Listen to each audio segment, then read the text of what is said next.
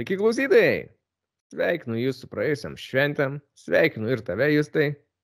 Sveikinu ir tave titai. Ir to jau jau teks sveikinti su naujom šventėm, nes e, rytoj bus nauji metai, mes šiandien laidą įrašom ketvirtadienį vėlai vakare.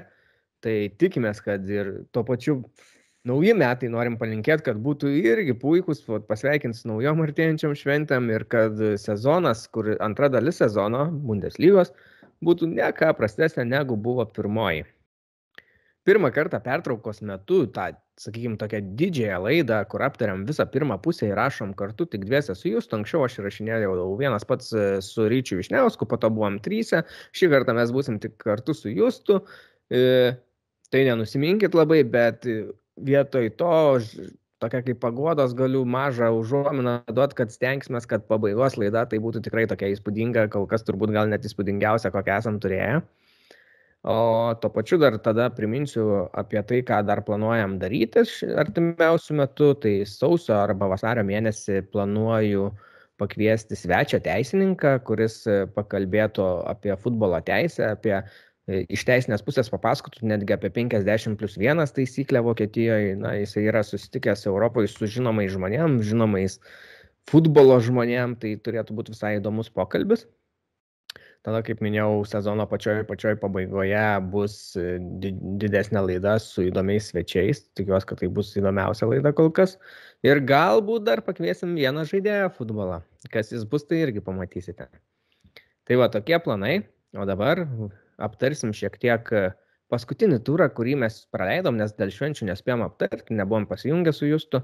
Labai taip simboliškai mes jį aptarsim, nes, na, kaip sakant, jau traukinys nuvažiavęs labai aktualu nėra, tik tai aptarsim tame kontekste, kiek jis, e, tas turas buvo svarbus bendram vaizdui lenteliai. Pakalbėsim apie kelis pašalinius dalykus, kaip norimus aplankyti stadionus arba formą, kokią norėtumėm aplankyti tos stadionus.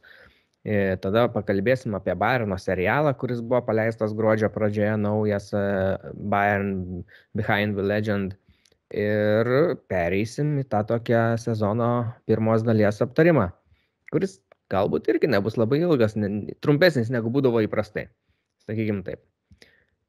Tai va, jūs tai tada sakyk, ar turi tokią svajonę, viziją, kokį stadioną norėtum aplankyti, ar kokia forma, kokia tai išvyka būtų, kokios varžybos, kokie žaidėjai, na kažką va tokio išsimuliuok iš savo galvos dabar. Mhm. Na, aš gal išskirsiu tokius tris dalykus. Išskirsiu gal kokį stadioną norėčiau aplankyti, kokiose rungtynėse sudalyvau, pamatyti kokias rungtynės ir kokiam, kokį turnyrą pastebėti. Tai Stadiono aš gal nieko čia originalaus nepasakysiu, tiesiog aš manau, tai vienas įspūdingiausių stadionų yra pagal tai, kaip yra jis pritaikytas prie savo gamtinės aplinkos. Tai galvoju apie Portugalijoje esantį Bragos stadioną vis dėlto, tą, mhm. kur yra įkaltas olose, tai vien taip įspūdingai jis atrodo, vien vietos konstrukcijos tokios masyvios. Aš apie jį galvojau, kitą variantą, žinai, galvojau tokį, man vis dėlto kažkaip vis tiek šalkė, nors jau nebe Bundeslygos klubas, bet Veltins arena ypač labai yra įdomi būtent ta alėja, kur žaidėjai išeina į aikštelę, būtent jinai yra tokia, kaip sakant, angliakasių, kaip ta palikimas, tas miestas, visas tas regionas e, žymus Vokietijai dėl anglės kasybos. Tai būtent tas būtent vis ir tas tunelis tai atspindi, būtent tas toks juodas, grinai tokia anglis. Uh, dėl rungtinių, tai vis dėlto aš tai galvoju apie vieną tokį derbį. Ir jau ne apie Vokietijos derbį, bet man vienas tokių įspūdingesnių, gal ką aš esu girdėjęs, istorijų, ką aš esu matęs, tai yra Stambulo derbis. Uh, Galvoju, tarp e, Bešiktašo arba gal Straus bei Fenerbakšės, tas, žinai, ten labai daug, daug dalykų eina, žinai, Europ, Europinė pusė prieš Azijos pusę, didelis miestas, vienas didžiausių Europoje, žinom Balkanų tos aistringus aistrolius, kas ten vyksta, kokie karai, kokie palaikymai, tai tikrai būtų įspūdingas šou ne vien um, rungtynių prasme, bet būtent net žiūrovų tų pasirodymų. Uh, Ir čia net nesiniai, kur buvo, bet praeitam derbi, kai jie net padarė tokį didelį tifo iškirpę, kaip iš uh, Squid Game, kur padarė, kad ten vat, žaidėjas 907 yra eliminuotas ir gana atitinka Fenerbakšės tos skaičius, tai irgi labai toks buvo puikus kūrybinis sprendimas. O dėl turnyro, tai čia visai toks artėja vienas turnyras, kur galbūt neslygai jis ten daug žiotažų nesukelia, bet daugiau sukelia Premier lygai nes vyks čia žiemą. Tas turnyras yra Afrikos tautų taurė. Tai va tai yra būtent turnyras, kurį aš norėčiau, kad nors gyvenime pastebėt, būtent nuvykti tenais. Ir, nes vien man būtent tas toks surreali ta patirtis, kai yra tokias, Afrikoje futbolas yra be galo irgi taip pat populiarus, pakankamai skaičių pagal populiarumą panašus, kas yra ir Pietų Amerikoje, ir Europoje. Ir labai smagu būtent pažiūrėti tokį truputį tokį nestruktūrizuotą futbolą, tokį, kur komandos jau žaidžia taip laisviau, kur yra, aišku, šiek žaidėjų iš Europos, bet ir daug nežinomų pavardžių. Ir būtent tos rungtynės ir taurė labai daug reiškia vietiniams gyventams ir ta pati priežastis taip pat dėl vietinės atmosferos. Plus, nu, tikrai ne, nebūtų daug galimybių pamatyti tokių rungtynių. Tai iš dalies taip netgi dėl to tokio kitoniškumo patirties. Aha. Ne... Jo. O šiaip turkų derbis visai įdomus variantas, nes net nebuvau pagalvojęs, nes uh, bet jisai geras yra tom, kad visai na, nėra sunku nuskristi, sakykime, į Turkiją skrydžių mhm. apstu, jie nėra brangus labai. Ir dabar, vat, kol tu dar kalbėjai, aš uh, truputį nubėgau į internetą pažiūrėti, kiek tie biletai ten maždaug kainuoja. kad, nes ne, net neįsivaizdavau, pavyzdžiui.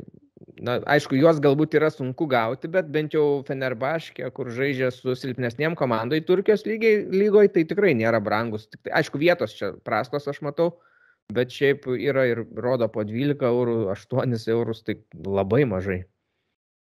Tai jo. Lietuvoje panašiai kainuoja pažiūrėti varžybas. Mhm. Tik tai gauni truputį kitokį reginį, kitokią atmosferą ir viską. Ir nėra turbūt labai šalta, taip. Nelyjant galvos. neblogi variantai, neblogi variantai. Ką tu turėsi? O... Irgi turi kažkokį variantą. Aš turiu variantų, aš šiaip ilgai puoselėjau tokią vieną idėją, bet man vis korona trukdo, nes arba skrydžiai neaišku kaip kas, ar pačiam baisu ten važiuoti belia kur buvo pradžioje, dabar ir žiūrovai vėl nebegali eiti, na tai nežinau, teks vėl kito sezono laukti ir tai dar neaišku, ar pavyks. Šiaip viena iš idėjų ta mano yra, kad aš susijusi su Bundesliga būtent, tai aš norėčiau e, nuvykti, kai yra dviguba savaitė. Ir pavyzdžiui, nuvykti trečiadienį, pasižiūrėti, maždaug pasiderinti pagal tvarkaraštį taip, kad uh, kur vyksta trečiadienį ar antradienį, dabar palauk, ten trečiadienį, ketvirtadienį vyksta liktai, ne?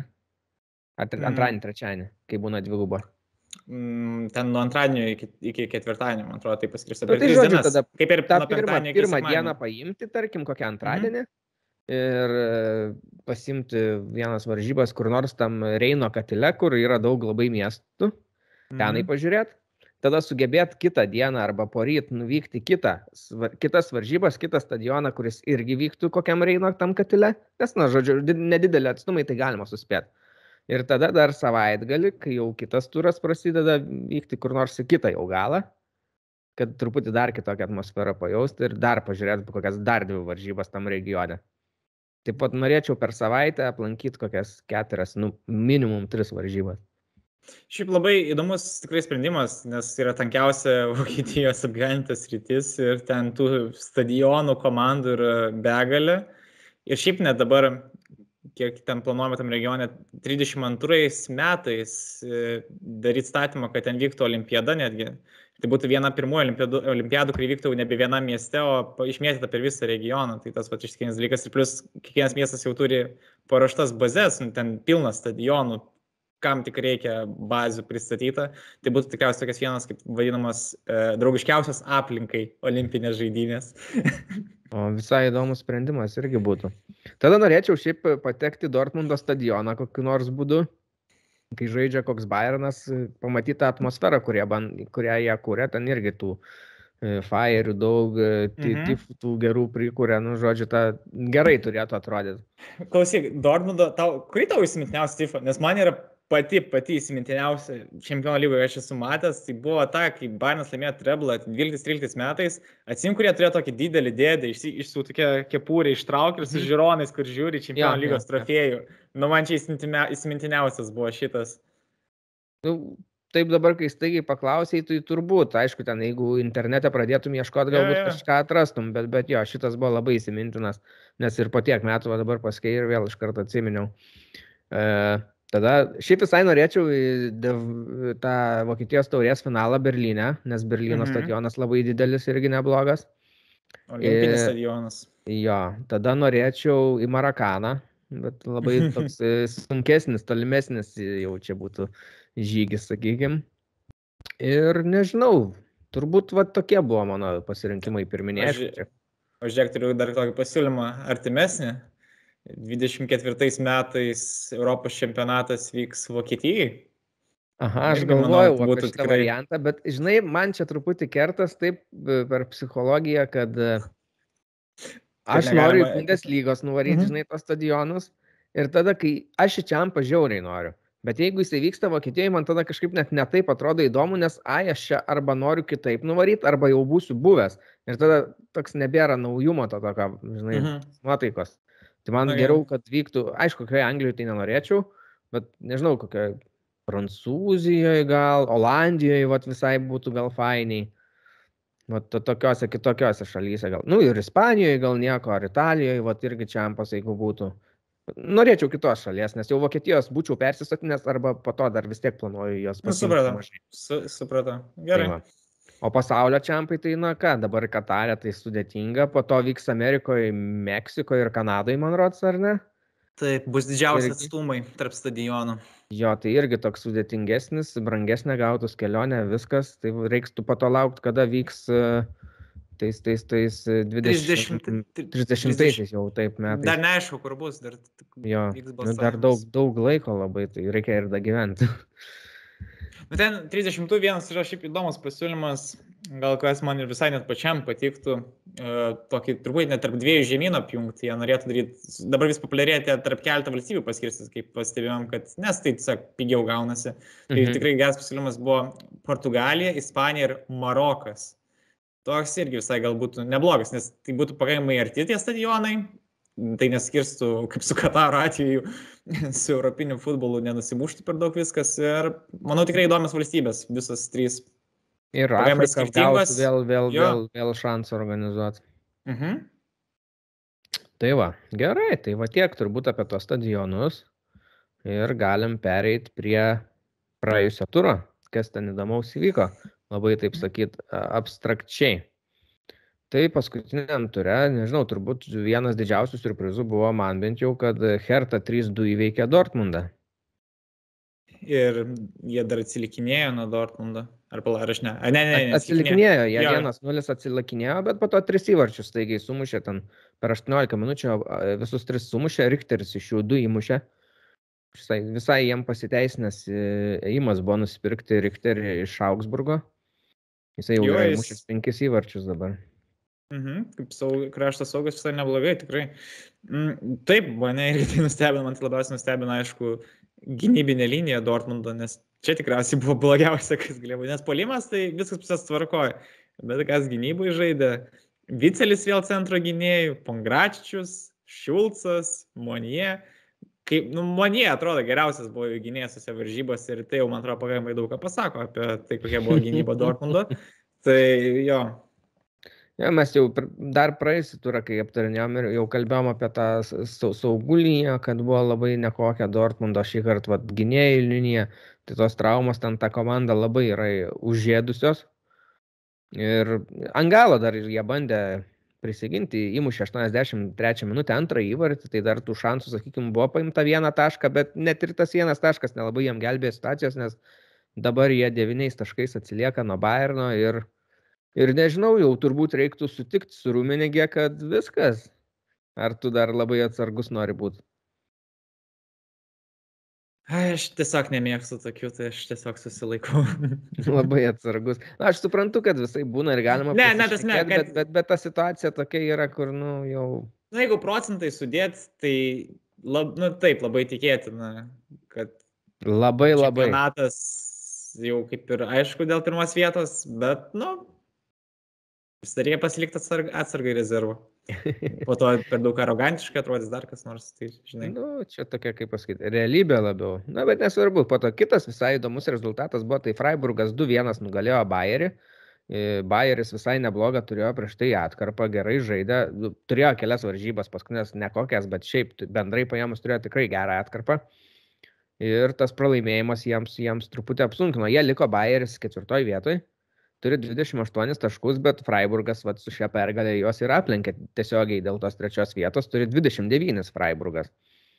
Ir dar Leverkusenas- labai rezultatas. Hmm? Leverkusenas dar kartu įsilygino su Hoffenheimu ir juos skyrė tiesiog įvarčių skirtumus.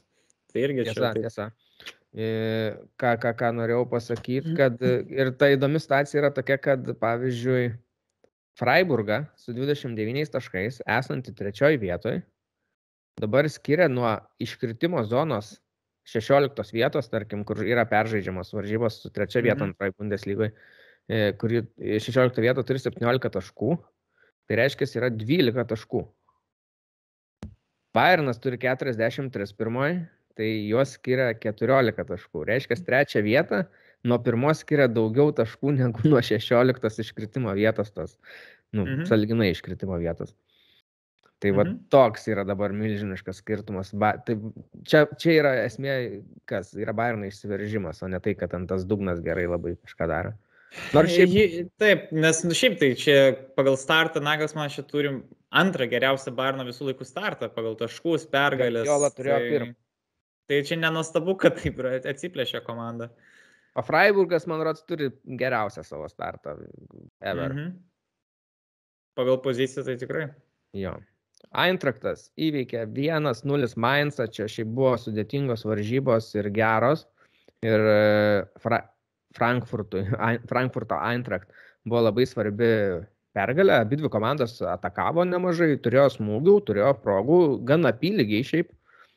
Ir e, dabar e, Freiburgas. Fu, Frankfurtas. Sakau, Eintraktas Mhm.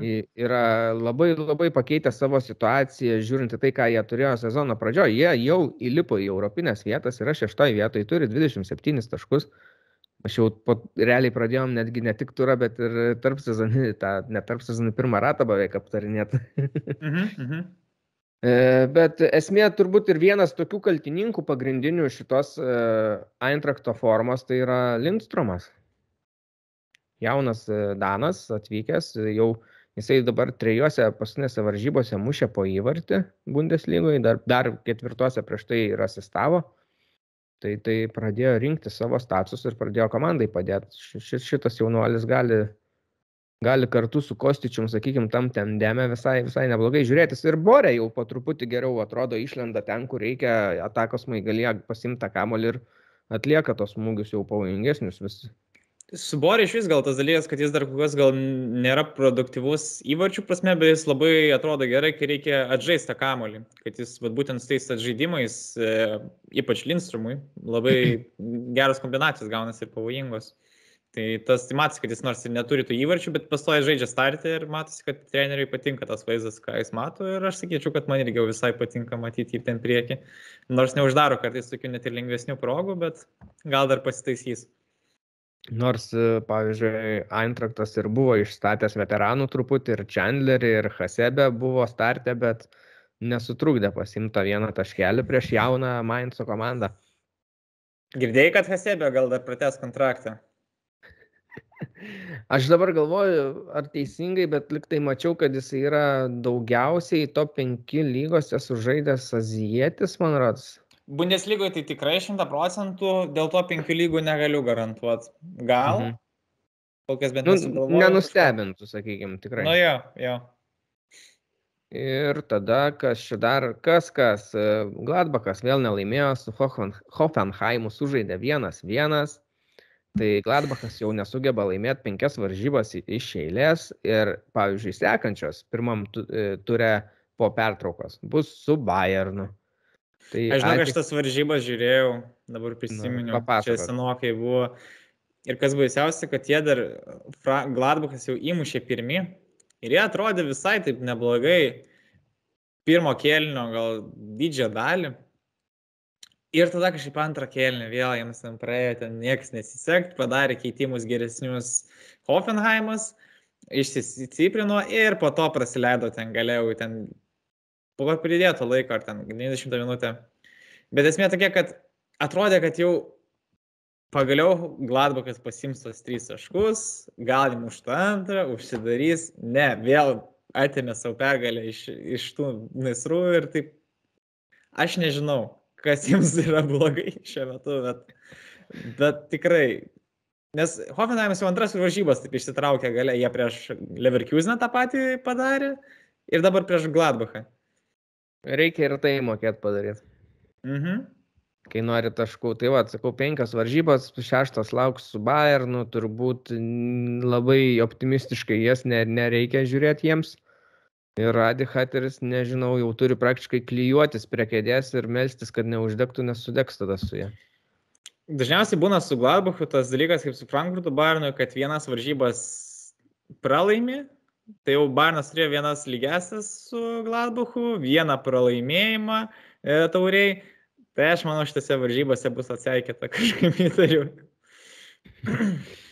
Ok. Na ir dar vienas buvo šokiruojantis šiaip rezultatas, tai Leipzigas 0-2 pralaimėjo Bielefeldo Arminijai. Tedesko stojas prie vairo Leipzigo kol kas rezultatų dar neneša, aišku, galbūt ir nereiktų tikėtis taip greit, mm. Mm. Pamatysim visą tai po žiemos pertraukos, nes bus laiko ir pasitreniruoti viską. Bet šiaip tai buvo nuvilintis dalykas, nes e, Arminija pirmavo, aišku, pirmieji mušė, nes 2-0 ir buvo, bet e, kad noriu prie ko prieiti, kad 70 minutę jie gavo raudoną kortelę. Raudoną Mhm. kortelę. Ir e, turėjo 20 minučių Leipzigas išlyginti bent jau, įmuštą vieną įvartį. Nu, niekaip nepavyko. Ir, tada Ir dar vieną praleido netgi. Arminija į vartų plotą pataikė keturis kartus, du kartus įmušė. Nu, dėl Arminijos aš nieko nesubūsiu, čia jiems labai skaičių geros varžybos, jau jie keturis kartus į vartų plotą smūgiavo ir Ne, du įvarčius ket, jie keturis kartus į vartų plotą iš keturių apskritai smūgių netgi. Tai keturis tai ir labai- ir visi buvo į vartus. Tai labai tobulą. Ar trenerio vietoje tai yra tobulas varžybos, ko gali tikėtis šio, šiuo Tokio stilio komandai, tai taip.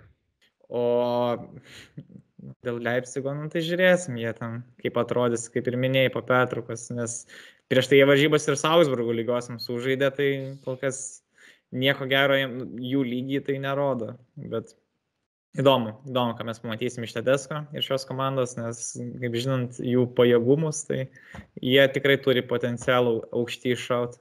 Aukštai iššaut. Nu ir perinam prie linksmiausių varžybėlių. Bayernas 4-0 įveikė Wolfsburgą savo namuose.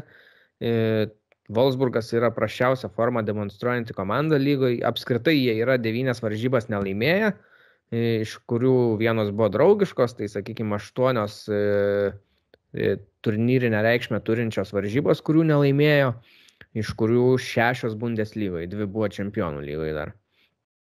Tai rezultatai žiauriai prasti, Kochfeldas nežinau, nežinau ką darys. Ir prieš Bayerną jie ne tik būna kartais, kad nesiseka gerai atrodai, bet pralaimi. O čia buvo ir vaizdas gan prastokas. Gan prastokas. Nu, aš taip kukliai apie juos dar, bet Ne, čia, čia buvo labai blogas vaizdas. Jie...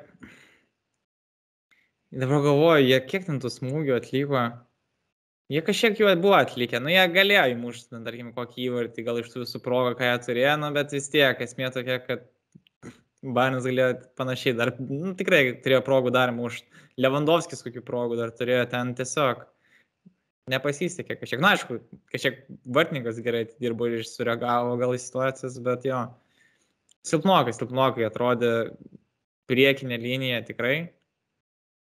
Bekvarstas, nu, nelabai, kaip- nors jis toks kaip fiziškai stiprus, bet prieš Upimekano jis nelabai, kad ten pademonstravo tokią rimtą. Šiaip jų gynyba, man taip keista, kaip Vosburgas taip gynybiškai atrodo silpnai šį sezoną, jie jau 29 įvarčius pasileido, o įvarčių muša kaip Augsburgas Bochumas. Tai tai čia yra tragedija. taip. Ir aš Ir- nematau kol kas. Ir tai yra kažkokio- komanda, kur mes sakėm, kad viena taip, nuo Geriausių po- vasarų po turėjo. vasaros, taip. Dar jie žadėjo ir nusipirkti kažką žiemą galbūt, tai pažiūrėsim, atsidarė tas langas. Tai Sausį atsidaro liktai ar ne ir, ir, ir pažiūrėsim, kas ten bus. Mm. Mhm.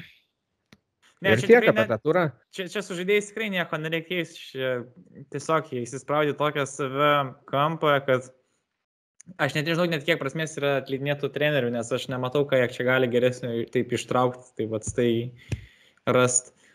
Mėgins sėkmę- Atleido, dabar bando, matysim. Šiaip, sakau, sporto direktorius jų sakė, kad pasitikė kol kas trenerių tinka, ką jisai daro, tik rezultato nėra. Tai pažiūrėsim, kiek ilgai ta kantrybė laikysis tokia.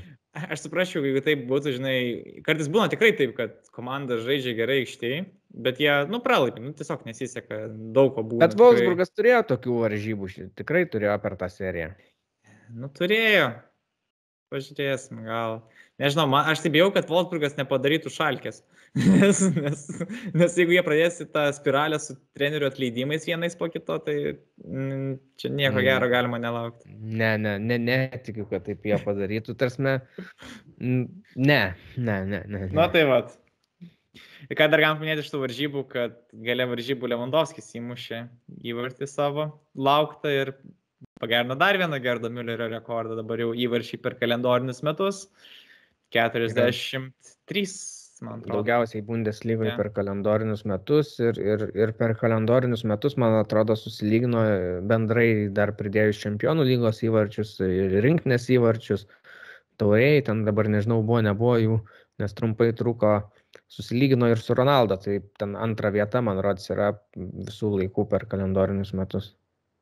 Pirma, mm. pirma vieta yra Mesio, ten nesveikas visiškai skaičius. Uh, ne, ne, Lewandowskis, jo, jo, tai Mesio ten pirma. Lewandowskis patenka ten top 10, tiesiog lyginant ten antrą vietą pagal aktyvių žaidėjus, nu, kas dar žaidžia. Ai. Nes ten, žinai, ten ir Gerdas Mülleris turėjo geresnių metų, Pelė, Romario, taip toliau ten, bet vis tiek patenka, čia yra top 10. Ai, aktyvų žaidėjus. Okay. Jo, jo, nes pagal aktyvių žaidėjus čia yra... Tada, jis pakartojo Ronaldo tą ir realiai Mesio tik tai tas vienas sezonas įlenkė, nes Mesio čia irgi būtų antras geriausias sezonas. Nes ten, nu, tas jau kosminis, nes ten yra visų laikų pats geriausias Mesio pasirodymas, ten lyginant su visais mhm. žaidėjais. Tai jo. Kas dar tose varžybose, gal minint iš Bayerno Valdburgo, kas gal stebėjo, kad matė, tau tikriausiai Sane įvartis turėjo pateikti, nes tai buvo toks truputį Robeną priminė, ne? Tai iš kairės užsuko gražiai. Ir Muselas Roka vėl antras varžybas, kaip minėjom, žaidė startę, viduje cementavo ir atrodė gerai. Roka buvo prieš tai pagirtas trenerio, kaip minėjom, Rūbiniai, mums sakė, to nedaro. Ir muselą visas varžybas, aš žaidė ir galiausiai po to atmetė tą rezultatyvų perdimą Lewandowskiui. Tai labai gerai laipasi praktikuoja, kad, žinai, jeigu čempionų lygoje lemiamais etapais kas nors nutiktų pagrindiniams žaidėjams, kad būtų pasiruošęs, tai labai gerai praktikos, kai turi tokie žaidėjai Ir galim gal tada perėti prie to, tiesiog paminėti, kad uh, tikriausiai eina tie gandai, kad uh, Mikelis Kuzansas paliks uh, Bayerną, iškeliaus į Serijos A Venecija klubą, ten už 3-4 milijonus, kiek girdėjau, eurų. Nors, kas, šiaip sakyčiau, dar pusė bėdos palyginus tai, kokios formos žaidėjas buvo, kokių problemų turėjo ir kad 3 metai nuėjo nuo tos 15 metų tos sumos ir pandeminis ta, e, marketas, tai tikrai, nes minėjau, tikrai matas treneris, kad Nors nėra Goreckas, nėra Kimicho, nėra toliso, bet dar gali Vatiroką, Muselą paskliauti, nu, nuleisti žemiau, tai e, Nienzu, jeigu būtų, tai jis ir žaidė tam, bet tai jo. Tai yra tų opcijų. Zabiceris, nu tikrai nėra prasmės laikyto žaidėjo ir jau geriau leisti jam, kaip sakant, rėdėti toliau. Auk. Aš manau, kad truputį buvo pražiopsota, reikėjo vos tik tai pasibaigę nuomą jam Prancūzijoje iš karto ir bandyti prakišti, būtų gal dar keliais milijonais daugiau gavę. Žinai, man atrodo, jie mėgino tai daryti, aš taip įtariu, tiesiog. Neatsirado. Na, aš manau. Mhm. Nu, matysim. Šiaip ir Roko situacija galbūt iš dalies keičiasi ir jisai dar gali likti klube, aš manau. Tarsime ir pavasaros, dabar aišku, kad jo neparduos, bet, bet pavasaros, o toliso irgi, irgi dar pamatysim, kaip čia klostysis. Mhm. Komanas okay. tik tai labai spiriojas, mačiau ir, dabar galvoju, Kanas ar Rumenigė, nebeatsimenu. Mhm kad sakė, kad jie tikrai, tai tikrai nori pratesti ir su Komanu, ir su Ziulė, bet... E, apie Talisą sak... nieko neminėjau. Ne, Taliso nieko, bet e, apie tos du būtent žaidėjus, bet sako, turi būti ir iš jų pusės e, truputį gal realesniai norai, reikalavimai, kaip sakyt, kad, na, čia turbūt kalbam apie atlyginimus yra. Ir mes gavom klausimą, ką matom, ką galėtų Bairnas pasistiprinti per žiemos pertrauką pats geriausias pasistiprinimas ir buvo parduoti Kvizansą, jeigu iš tikrųjų mano nuomonė. Tarasme, nu, nu, aš nesu matęs prastesnio mentaliteto Bayerno žaidėjo paskutinius 7-8 metus, gal kaip minimum. Nu, aš man nekyla nieks prastesnio tokio, kur išsišokinėtų reikalavimai, kuris ateina aikštėje nieko tokio nepademonstruoja, bet jis įsivaizduoja kažkokį, nežinau, super žvaigždę. aš manau, kad jis turi talento ir jis kitam klube, kur daug žais, gali gal ir iššaukti kažko, bet aš tikrai neper, man tikrai nebus nemigų naktimis dėl to, kad jis ten tap žvaigždė kažkur Venecijoje ar ten CSK Maskvos. Man tiesiog ramiausia atrodo, kad net tie žaidėjai, kurie tokie atlieka mažą rolę komandų, man atrodo, vis tiek jie turėtų būti rūbiniai, nešti kažkokią atmosferą teigiamą. Nu, tarkim, čia jau pamatinga, žinai, jis nors ir nežaidžia, bet man kad jis yra pakankamai teigiamas žaidėjas visai komandai, nes pakelia moralę, jis, jis tampa draugais, panašiai, gali per daug nepergyventi dėl to, kad mažiau gauna žais, bet turi tam tikrus vis tiek savo reikalavimus. Tai va tokie žaidėjai yra labai galingi ir jie atlieka savo rolę, toks kaip Kuzantas, man atrodo, daugiau blogo daro negu gero komandai, tai net kažkokią minimalią kompensaciją dar iš jo pasims, gal vat, pakalbėsime apie kitą gal e, problemą Bayerno čia dabar kamuojama, gal tie finansai pravers dar.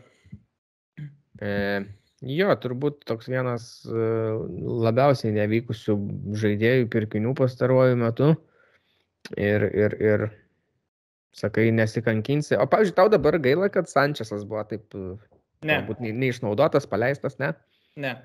Mačiau, kad e, vėl galvoju, ar Juminigė, ar Archionesas dabar, bet kažkuris iš jų žodžių kalbėjo, kad tuo metu e, Hainkesas tada buvo perėmęs vairą, man rodos, mhm. ir jisai žiauriai norėjo su Sančiasu dirbti bet po to taip susiklostė, kad aišku, jų pastai turėjo išvykti ir kiti treneriai buvo, tai ir nepavyko. Kad, žodžiu, mintis buvo pagrindinė, kad jeigu jų pas būtų ilgiau buvęs Bayerno treneriu, tai jisai žiauriai norėjo Sančioso ir sako, tikim, kad turbūt jų būtų pavykę su juo gan normaliai padirbėti. Ir, ir pats Sančiosas davė interviu netaip senai sakė, kad jisai pats supranta, kokios klaidos tuo metu buvo, koks jis tada pats žaidėjas buvo, kad jis dar nebuvo realiai pasiruošęs ir tada galbūt ir pyko kažkiek, bet dabar supranta, ko iš jo buvo reikalaujama ir kad jis nebuvo dar to lygio. Ir vat, kad dabar jau jisai po truputį supranta, ką reikia daryti toje aikštėje ir kad dabar jis aišku įsivaizduoja, kad galėtų galbūt tai kažkiek daryti, bet jau per vėlų, nes Bayernui ne, nebepriklauso. Aš manau, čia kaip tik geras sprendimas viskas gerai, nes Bayernas gavo kažkokią finansinę kompensaciją bent jau iš Lilio ir Sančitas gavo aukti toliau kaip žaidėjas, nes jis tikrai, nu, čia nebūtų prasimušęs, čia kaip jis žaidė. Jis turėdavo keltas gerų varžybų ten, iš Benfica čempionų lygos, nu, tas varžybos geras jo, bet, nu, tikrai per anksti buvo, nu, tarkim, pagalvom, žinai, jis net jeigu būtų augęs į žaidėją, nu, jam be šansų būtų, manau, nukonkuruoti Goretską ir Kimichą, nu, tai jeigu tu, nu, kiek aukšto labai lygio gali būti saugų komandai, nu, vis tiek, jeigu jau eisi ant suolo, tai arba turi ambicijas prisimažinti, nežinau, arba turbūt labai toks geras sutapimas, nes sunku išlaikyti komandoje, taip ne, nepažinant starto vietos labiau geram žaidėjui. Mhm. Tiesa, tiesa. O šiaip dar atsakant į klausimą, kurį buvom gavę dėl mhm. žiemos transferų, kurių reikia Bayernui, tai tiesiog gal e, aš net neatsimenu labai labai gero žiemos transfero Bayerno. Na, nebūna tiesiog didelių transferų, kažkokių labai reikšmingų.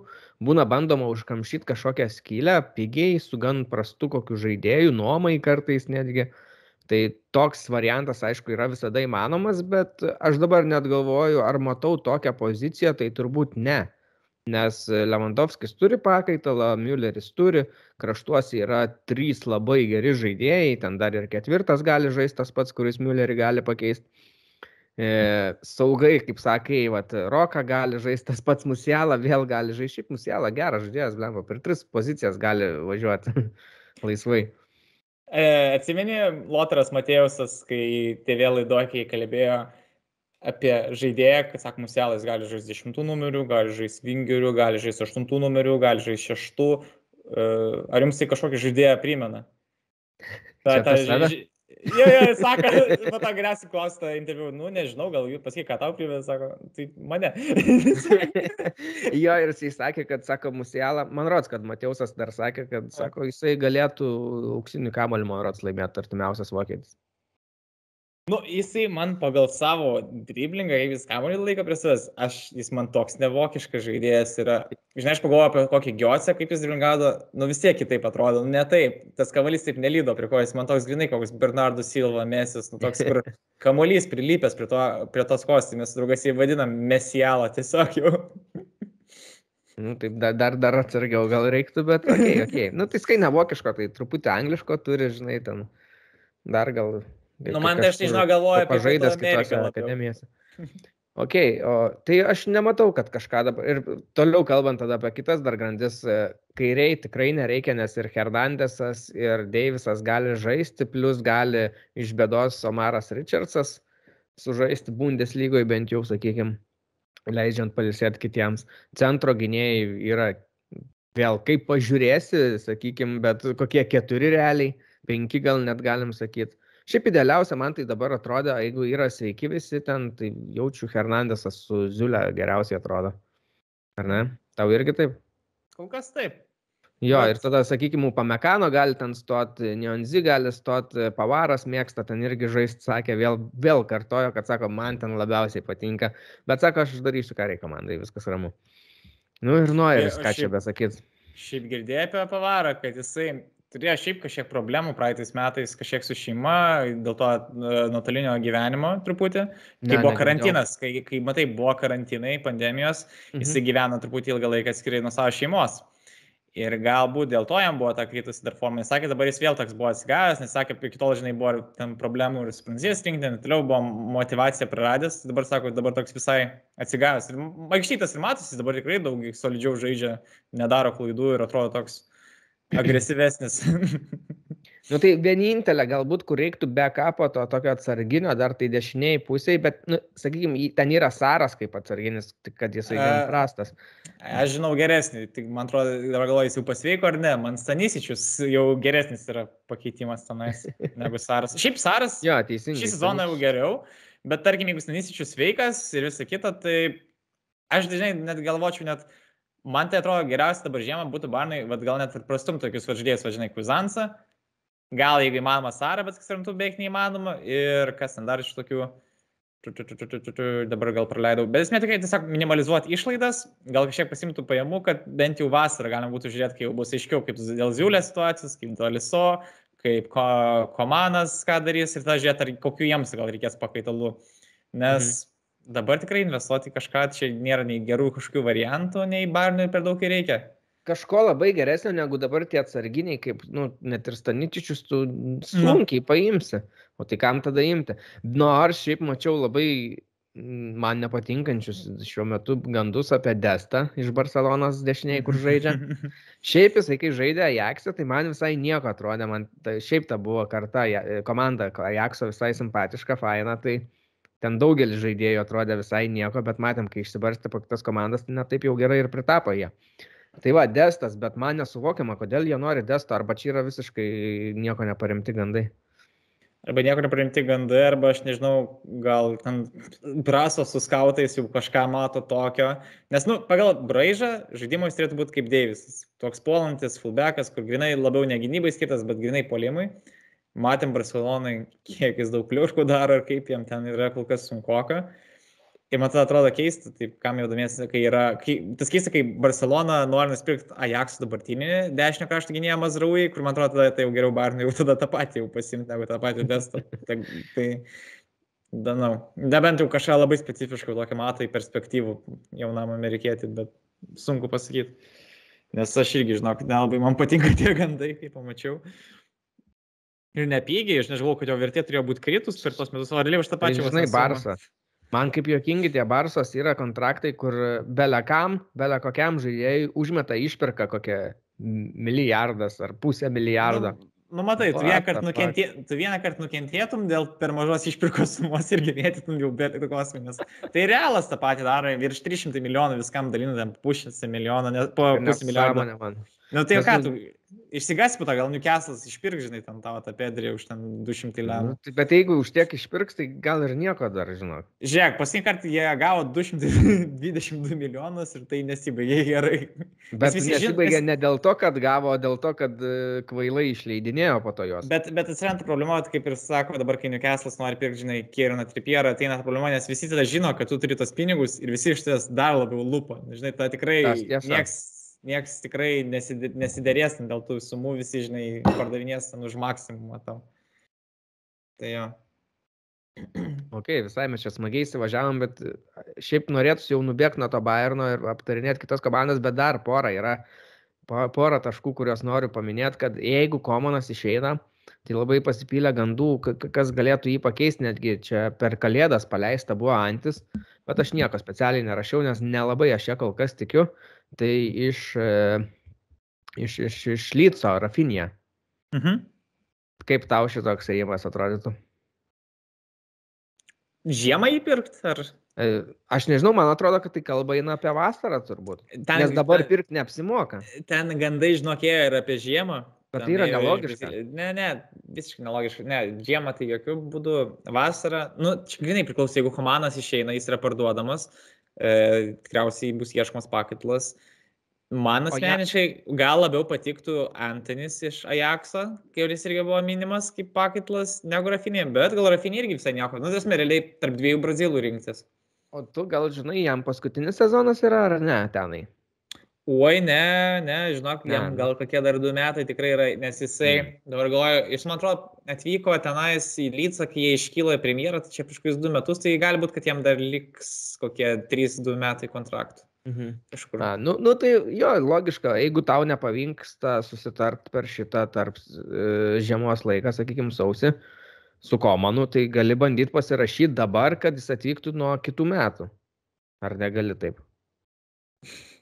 Na, bet nieks taip nedarys, nesimoka, nes kam, kam, kam pinigus mes irgi Nu šio vėliau. laiko iš tikrųjų.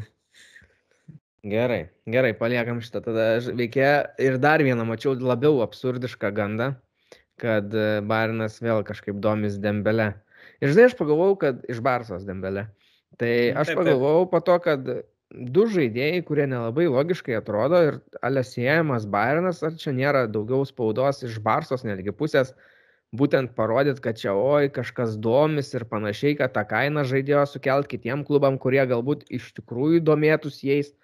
Man atrodo, gal nebūtinai iš Bars pusės, čia gal labiau ir gal iš Dembelės agento, nes jis tikriausiai Nu, nori pasikelti savo atlyginimą, kas yra dažnai norima ir dažnai tie patys agentai paskleidžia tuos gandus, kad Jisai tam prašo. užkeltų rinkos kainą. apie 40 milijonų, man atrodo, sakė. Tai tikrai Bayernas e, jau galima tiek. išbraukti. Jau atrodo, žinai, jau geriau tada jau komandai duoti sane pinigus tiesiog ir jau ra- ramiau atrodys, negu čia Dembelė pasirašinėt. Kur, okei, okay, Dembelė yra tikrai talentingas žaidėjas, tikrai jis turi daug ką vien dėl traumų nesirašyčiau. Bet, tokio. bet jo, yra traumos, kurios, sakyčiau, prašiau negu komando traumos atrodo. Tikrai prašiau. Ir, ir antras dalykas, jis neturi galutinio produkto, nes komandas per tiek metų jis užaugo. Esim kaip žaidėjas, anksčiau jis buvo, kur daug driblinguodavo, daug darydavo kažkokių kelimų į aikštelę, bet atrodo beprasmiška. Tipo, vis tiek iš to possessionų nesigaudavo kažkokia prasme. Dabar jis muša dažnai įvarčius, dažnai dalina rezultatyvius perdavimus, jis turi tą galutinį produktą. Tai čia jau yra man pranašesnis žaidėjas komandai, negu ten turėti kažkokį labai flashį, greitą žaidėją, kuris gali pasideblinguoti ir netlikti po to to perdavimo, kurio reikia, arba netlikti to smūgio tiksliai. Nu, Tai Ir mentalitetas man, nu, bent jau taip žiūrint iš šono, atrodo vienas prastesnių, kuris labai neaišku, ar komandai pritaptų toks e, gan egoistiškas, savanaudiškas, e, galbūt ne visą laiką nusiteikęs viską atiduotai komandai, toks, nu, nežinau, nelabai mano iš šono. Nu, toks man atrodo, čia reikėtų iš naujo auginti žaidėją, kuris pagal amžių yra realiai, man atrodo, jie vienodą amžiaus, man atrodo, su komandu. Ir atrodo, kokia prasme auginti, jeigu jau yra užaugintas žaidėjas čia sistemai, kuris čia tinka, veikia, man atrodo, tada beprasmiškai. Arba, arba tada įmi jaunesnį, nes jisai dabar realiai turėtų būti savo pikėvos, ne? Jau arti, arti to piko, tos traumos jį yra gan smarkiai sustabdžiusios. Jo, ten liūdna dėl to. Tai va, turbūt tiek tada jau dabar apie Bariną tikrai aš galvoju. bet- Paskutinį dalyką galim paminėti gal apie te teismų problemas, ten kur girdėjai tą, ne? Ai, ten O su dabar- treneriais, man rods, ne? Su jaunimo treneriais. Mhm. kur už nu, 100, 120 tų valandų mėnesinių darbo valandų moka po 450 eurų Vokietijai. Tai Kiek čia gaunas e, taip per dieną maždaug 120, palauk. nu, tai tiesiog čia yra kažkur 3-4 eurai valandą. Nu, čia... Ne, bet ar, skaičiuot- ar, ar normali, kokia čia ta darbo savaitė? Čia yra, mažiau, čia, yra maž, čia yra mažiau negu minimalus Vokietijos atlyginimas visų pirma. A, čia jau prasideda bėdas. Ir jo, jo, dėl to ir- bet krato dabar baimina, bet esmė tokia, kad e, dauguma Bundeslygos klubų turi tą problemą, kurie piknaudžiauja savo statusu, savo būtent galimybėmis ir, žinai, taigi iš idėjos ateina žmonės dirbti, ne į klubą. Bet tai truputį gaila, nu, Taip. tikrai nen- nenuskurstų normaliai, jeigu rūpintųsi savo Taip. žmonėmis. Čia toks netgi prestižo reikalas, sakyčiau, ir iš klubo pusės, o ne vien turėtų iš darbuotojų pusės būti, kad ateinam dirbti tokį klubą. Taip, būtent. Tai aš tiesiog, na, nu, aišku, dar priklausys, kaip čia viskas pasibaigs, nu, bet tarkim, jeigu tikrai bus įrodyta, tai pabaigta, tai aš manau, tikiuosi, kad tai pasikeis ir barinė šitie dalykai ir tikiuosi, kad tai atneš ir pokyčius, nu, kitose klubuose, nes aš suprantu, kad ten Dortmund ir kiti klubai irgi žiūri šitą situaciją pakankamai akiliai. Nes... Jo, čia, čia, jeigu, žinai, jeigu Bayerną nubaus, tai garantija, kad tvarkysis ir kiti, nes žinos, kad jeigu Bayerną nubaudė, tai reiškia, bet kurį dabar gali nubausti Vokietijai. Jo, tai gerai, kaip sakant, savo komandai nėra gerai blogo galbūt linkėt, bet linkiu ne blogo, o susitvarkyti. Nu taip, kad, nu tai vis tiek turi rūpintis savo darbuotojais. Tursime, negali būti tokie dvigubi standartai kažkokie hipokritikai, kur pasiema ten milijoninės tas sumas, bet darbuotojams negali išmokėti tų atlyginimų kažkokių, nu, tasme, bent jau minimalių, tasme, žinai, būtų minimalus atlyginimas, manau, nieks šiandien ne, ne, neknystų proto, bet kai žemiau minimumo moka treneriam, kur klubas atsijuoja, kad čia nuo jaunimo turi būti statomi komanda, turi būti iš akademijos žaidėjai, nu, bet ir treneriai turi būti atitinkamai parūpinti. Tiesa, tiesa. E, gerai, tai gal truputį dar paminim transferus apskritai, kas įvyko, dar labai mažai spėjo įvykti, nes langas dar tik įsivažiuos. Tai kas įvyko, šiaip visai įdomus transferas įvyko tokioj netikėtoj, nedideliai komandai kaip Bielefeldo Arminija. Jie pasirašė sutartį su Gonzalo Castro. Tai veteranas, kuris yra žaidęs praeitį ir Dortmunde netgi ir Štutgarte žaidė paskutinius sezonus ir atrodė, kad jau jisai kaip ir baigs karjerą. Jau buvo jisai dabar laisvas agentas, jisai atrodė, kad jau gal net ir baigė tą karjerą, bet grįžo pusmečiui, trump, trumpalaikę sutartį pasirašė pusmečiui. E, Arminija yra 17 vietoje su 16 taškų, tai akivaizdu, kad tai yra įimas sustiprinantis jų vidurį ir kad jie na, išliptų iš to dugno bent jau į kokią 15 vietą, kas šiaip dar yra realu. Mhm. Ir dar nėra, nežinau, ar, ar patvirtino ar ne, bet bent jau link to buvo eita, kad Leipzigo jaunuolis, kurį jie pasirašė šiemet iš Ajakso, e, Brobis e, išvyksta nuomos pagrindais į Ajaksą, tai negauna pakankamai laiko Leipzigė, tai visai geras transferas, galbūt Ajaksė gaus to laiko daugiau, žinoma, komanda, tai prisitaikyti vėl bus lengviau, gaus žaidybinės praktikos ir jau gal kitą sezoną gaus daugiau progų Leipzigė. Jo, bus be išpirkos sumos nuoma, grįš į Leipzigą po sezono. Bet čia jau buvo tragedija parašyta tuo metu, kai Nagelsmanas išėjo iš Leipzigo, nes tuomet jau, kai jis tik buvo, buvo pasirašęs savo tą transferą perėjimą ir jau gailėjosi, kad tai padarė, kai jau trenerio dalyko klube. Tai va, tiek apie transferus, kol kas tik tiek įvyko, šiaip, kadangi jisai tik normaliai prasidės dar, tai pamatysim, kas gero vyks, tik dar vat irgi ėjo gandai šiandien berods, tik prasidėjo, kad e, Eintraktas buvo neseniai pasirašęs tokį jauną 17 metų ispaną, kuris e, daug yra žadantis, bet ateityje pagal savo amžių dar natūralu, bet jie jį žada kaip ir siūsti į Barceloną. Vos šešis mėnesius bus pabuvęs Eintraktą ir važiuos į Barceloną. Bet jis nežaidė startinę kartą, nemačiau. Nu, ne, bet startis nebuvo. Nu, pakeitimais buvo. Man atrodo, buvo visai netrumpas kontraktas ir nu, buvo galvojama apie ateitį, bet ir dabar staigiai po pusmečio taip atsimest. Jo lab, žinai, jeigu nieko gero, tai ko ta Barsa tada nori, aišku, Ispanas, žinai, jiems dabar yra tokia situacija, kai reikia jaunus žaidėjus orientuotis, bet, nu, man keistai truputį, kad taip greitai jau nebetikimai. Taigi gali tą jauną žaidėją laikyti antroje komandai, jis lai žaidžia dabar. Jeigu žaidėjas yra nepatenkintas ir turi išreikštą norą, tai aš manau, čia žaidėjai vis tiek pusės eina, ne tai, kad klubas bando tai, taip, taip tapo nepatenkintas po pusmečio. Na, aš manau, gal buvo kitokie, gal kažkokį kitą tikėjus, nes ne kartą vaistingiau vis tik tai draugiškos rungtynės sužaidė vienas. A, jis net ir nežaidė, jis buvo tik registruotas. Na, jis, nu, tai jis jeigu neturėjo niekur varžybų, nieko, tai žaidžia ten akademijų, gal nežinau, reikėtų pasižiūrėti tiksliau. Jisai jau 19 ten e, su, su, sudvest lygoje žaidė porą varžybų uh mhm. -huh. ir įmušė porą įvarčių. Uh mhm. -huh. Aš manau, nu, čia ne iš klubo daivai eina dalykai, čia tikrai, nu, matai, Barcelona, jeigu tave šaukia, tu ateini, nu, tai tiesiog, kad ir kokia prasto situacija yra klubas, bet vis tiek jis turi savo prestižą. Kaip ir realas. Tikiu, kaip ispanui, tai aišku, kad turi, jisai no. turbūt galbūt ir svajojo kažkada žaisti tam klube, bet... Matai, dabar Matysim. šiaip Barcelona labai daug ispanų renkasi, nes eina, jie pasikvietė ir Ferrano Torres, eina gandai ir apie Alvaro Moratą, vis tiek jie augina savo akademiją tą visą. Nu, Iki 24 metų sakoma, kad jisai jis pasiraš, pasirašo ar pasirašė jau su, su Barcelona. Mhm. Tai va, gerai, tiek tikrai jau apie transferus viskas.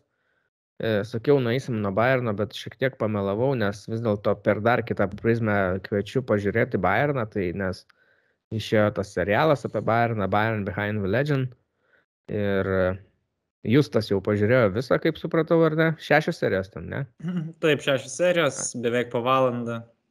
Aš pažiūrėjau tik pirmą seriją, tai dar labai daug negaliu aptarinėti, bet pasistengsim per daug neišspoilint, tiesiog per tokius pirmus įspūdžius gal. Tai aš bent jau ką pirmą seriją pamatęs, tai man pradžioje gal šiek tiek ne visai dar patiko, nes labai buvo koncentruojamasi į tas varžybas, jau paskutinės, sakykime, kur buvo žaista vasarą e, klubų tauriai. Toj. Ne vasarą, čia žiemą buvo. Ai, žiemą ten buvo. Mhm. O jei, kaip aš taip susimaišiau. Nes e, dabar jinai, va ir šį, šį dar vyks, tai žiemą. Ai, ok. Nu, matai, ten, kadangi ten žaidė, atrodė labai šilta saulė ir tas atmintis mm -hmm. taip atrodo. Kataras, Kataras. Jo, jo, jo, Katarė. E, klubų taurė, kur Bairnas laimėjo, ten buvo šeštas trofėjus. Mhm. Bairno. Tai, tai su Hansi Fliku dar už vairą.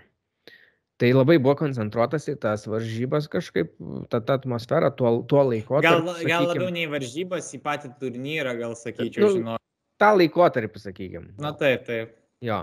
Bet visai buvo įdomu pažiūrėti iš tos pusės, kad mums galbūt, vat, kaip fanam ar šiaip žiūrovam, kai žiūrim į tą turnyrą, kad sakom, ai čia jisai yra labai nesvarbus, nesąmonė, vis tiek ten Bairnas vieną koją visus apsižais.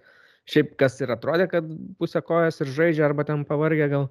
Bet vat būtent per šitą serialą truputį pakeičia tą nuomonę, nes parodo, kad jiems labai svarbus buvo tas turnyras, nes tas šeštas trofėjus buvo žiauriai svarbus, nes tai būtų, buvo tas pasiekimas, kurio jie siekia, nes tai būtų pats didžiausias ir geriausias Bayerno sezonas ever, ką jie ir padarė.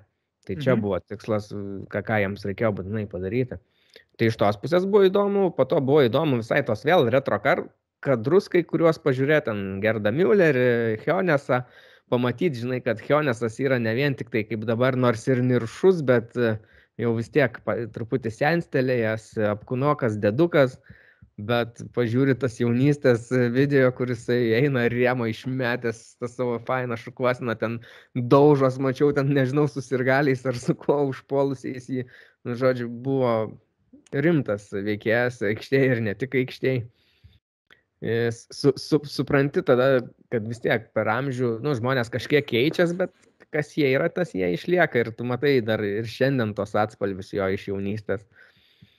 E, kas dar įdomu, Kanas visai įdomiai pakalba ir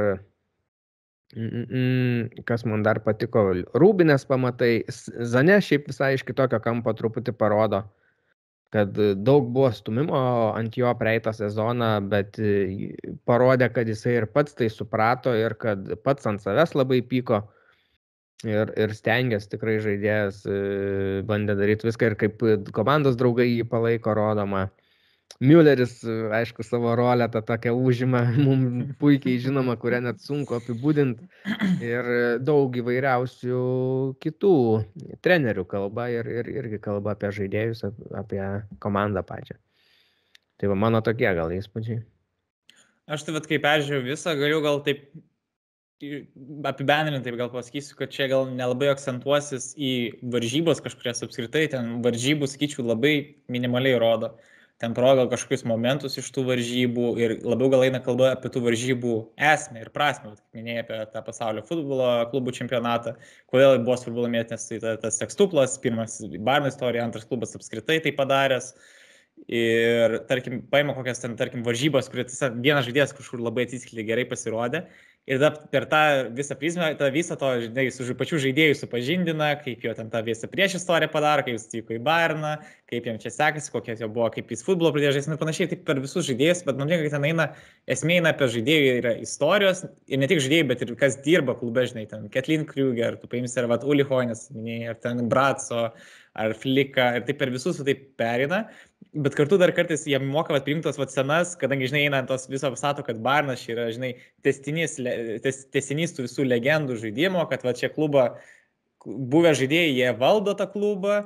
Ir vat, būtent parodo, vat, vat, tuos momentus, visus tos čempionų lygos trofėjus, visus apžvelgs ir kitus ten žemiausius taškus ir didžiausius klubo taškus. Tai tikrai, kas domisi Barnu, tai tikrai pamatys tai, kas dar to nematė, tai susipažins. Ir tikrai tikrai buvo įdomių momentų. Man pirmas keturias serijos tai iš vis labai patiko, bet kaip draugai minėjo, kad atrodo kaip compilations, kad atrodo labai daug veiksmo, gerai sukatinti e, šotai ir atrodo nu, visai dinamiškai visai eina. tai tikrai rekomenduoju pažiūrėti. Šešios serijos visai nedaug. Ja. Amazon platformoje oficialiai galim pažiūrėti. Mhm. Yra dabar jau rangų kalba, ne vien vokiškai galima žiūrėti. tai vat. E, o kaip tu pats turi nuomonę apie tai, kad komandos įsileidžia, vat, pavyzdžiui, kameras, tas televizijas į rūbinę, teigiamai žiūri tai ar labiau neigiamai? Aš tai pakankamai teigiamai, aš vis tiek, žinai, manau, kad to, ko nenori rodyti, to nerodo, ten tikrai būna iškarpyta. Tiesiog vis tiek irgi atrenka, žinai, bet kas įdomu, jo čia pamatai, kaip rūbinė atrodo, kaip susitarė žaidėjai, kaip jie ten draugauja, kaip jie kaip ten aiškinasi, kaip treneris motivuoja, kaip jie ten ateina, žinai, ruošiasi varžybom, bet tiek nerodo, žinai, treniruotis ant kokių ten specifinių ten tų metodų, ten po to, nu, nenori daug spolinti, bet, žinai, prie, kaip prie transferų dirbo, čia gal kažkiek pasakysiu, irgi, žinai, nu, nerodo ten visų užkulisių, kaip ten prie tų transferų yra prieinama, bet matys ten tokių jokingų dalykų irgi buvo, nu, bet aš tai tikrai nieko prieš, žinai, aš manau vis tiek visi žaidėjai ten su tuo turi sutikti, jeigu kažkas kažką nenori rodyti, tikrai tai tikriausiai pasako ir yra iškepama. O žinai, kas yra prieš? O prieš yra Kristianas Štraichas. O taip pat mes dabar pereisim prie Freiburgo. Gerai, gerai. ja, su Štraichu pasirodė labai labai didelis ten kelių dalių interviu, e, Kikerį berots. Tai dešimt metų sukako, kaip jisai yra pagrindinis treneris e, Freiburgė prieš tai jisai jau Freiburgė ir jaunimo komandose treniravo, na, žodžiu, labai daug metų jau yra praleidęs Freiburgo sistemoje, yra buvęs ir žaidėjas Freiburgė. Žodžiu, Freiburgo žmogus nuo kojų iki galvos, nuo, nuo šaknų iki šakų viršūnių visų nebetimsi jau iš jo iš to, iš jo to, Ir jisai, jisai buvo paklaustas apie va, tokius dalykus, kad sako, kaip žiūrit, kad yra įsileidžiama į rūbinę, žinai, nes sako, iš ankstesnių interviu esam girdėję, kad jūs na, laikote tokią vietą, paskutinę liniją, tvirtovę, kur na, jūs ir žaidėjai galite vis užsidaryti ir pabūt tai savim, nebijot kažko.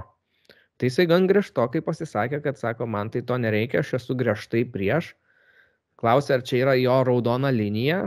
Jisai sakė, kad, nu, taip dar bandė gan mandagiai išsisukti, kad gal ne visai, tipo, nu, aš pažiūrėčiau, jeigu man taip nutiktų, man būnant komandai, aš paklausčiau, kam to reikia, bla, bla, bla, ir tada spręščiau, bet, nu, sakykime, kažkas panašaus jau į raudoną liniją. Ir jisai argumentavo tom, kad, kaip sakau, paskutinė vieta ir sako, aš noriu atėjęs į Rūbinę pamatyti, kad, pavyzdžiui, ten koks Petersonas uh, klūpė ant žemės susėmęs už galvos, ten e, Günteris irgi kažką ten panašaus, kad visi gali daryti, ką nori ir nereikia čia maivytis, apsimetinėti ir prisižiūrėti, žinai, kad būtumėm savim, kad galim atėję pasikalbėti apie dalykus, kurie mums rūpi, kurie mums reikalingi ir panašiai. Jisai apie tai vad kalbėjo.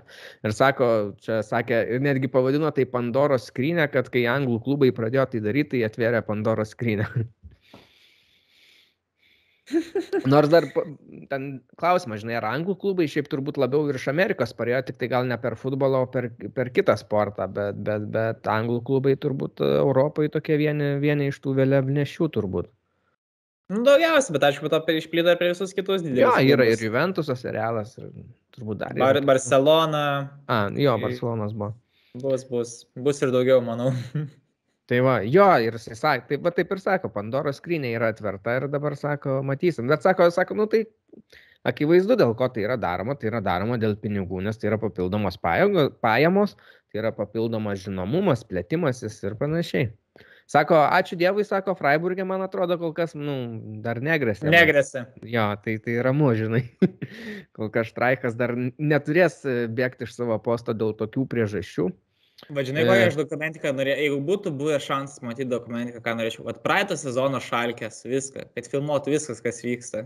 Vat norėčiau pamatyti. Čia būtų kaip Sunderlando, žiūrėtų, kur tu matai, kur, kur visam miestui tas klubas reiškia daug, klubas su istorija, didžiulis klubas ir tu matai, kaip jis byra ir tiesiog kas Nu, per vyksta. nežinau, ar čia morališkai, psichologiškai nebūtų per sunku žiūrėti tuos vaizdus, nes ten rūbiniai tai turėtų būti tikrai O tai ką, ką, ką, vadyba, kai vyktų, irgi ten turėtų būti košmaras. Tiesiog, ką, ką, o, ką o ten dar ir vyko toj vadyboje visokiausių dalykų, ten perversmus gidarė visokiausius. O, ei. Taip, taip, tai atsakau, vat, nes, vat, vat, prisimenu, man vienas tai įdomesnių vat buvo vat Sunderlando, kur žiūrėjau, kurie buvo jau tuo metu čempionshipė, iš premjeros ką tik iškryti ir po to jie ten grinai iškrenta į dar trečią lygą, nu ten irgi nieks neina, ir žmonės, žinai, kuris fanai nuoširdžiai myli tą futbolą, tą klubą ir kenčia, tiesiog visas miestas kenčia kartu su to klubu, kas ten vyksta. Nu, vat, E, toliau apie Štraichą, tada gal dar kelis e, tokius esminius e, akcentus uždėsiu iš to interviu, nes visai ne, dar net nebaigiau aš jo iki galo skaityti, nes kau yra kelios dalis, tai pirmą dalį visą perskaičiau, antros dar truputį liko. E, tai kadangi 10 metų sukako tam Freiburgė, tai aišku buvo klausta apie kaip kas pasikeitė per 10 metų treniravimo prasme, ten su žaidėjais, apskritai jisai pats kaip žmogus keitėsi. Tai buvo priminti jo žodžiai, aišku, iš anksčiau ten prieš daug metų pasakyti, ką jis planavo daryti. Na, kad jisai sakė, visai norėjo to dėmesio, norėjo gauti, žinai, pripažinimą prieš tas dešimt metų, tai vad sako, ar jums vis dar tai svarbu? Nu, sako, jau kaip ir neblabai, bet aišku, sako, jo, kai būni tiek me- metų vienoje vietoje, tai jau kaip ir tampi to žinomu, bet sako, aš jau dabar jau nebesikoncentruoju į tuos dalykus. E, Kuom pasikeitė, tai sakė, sako, nu, tapau, sako, ramesnis, sako. Sako, gaila, kad ne visi tai pastebi.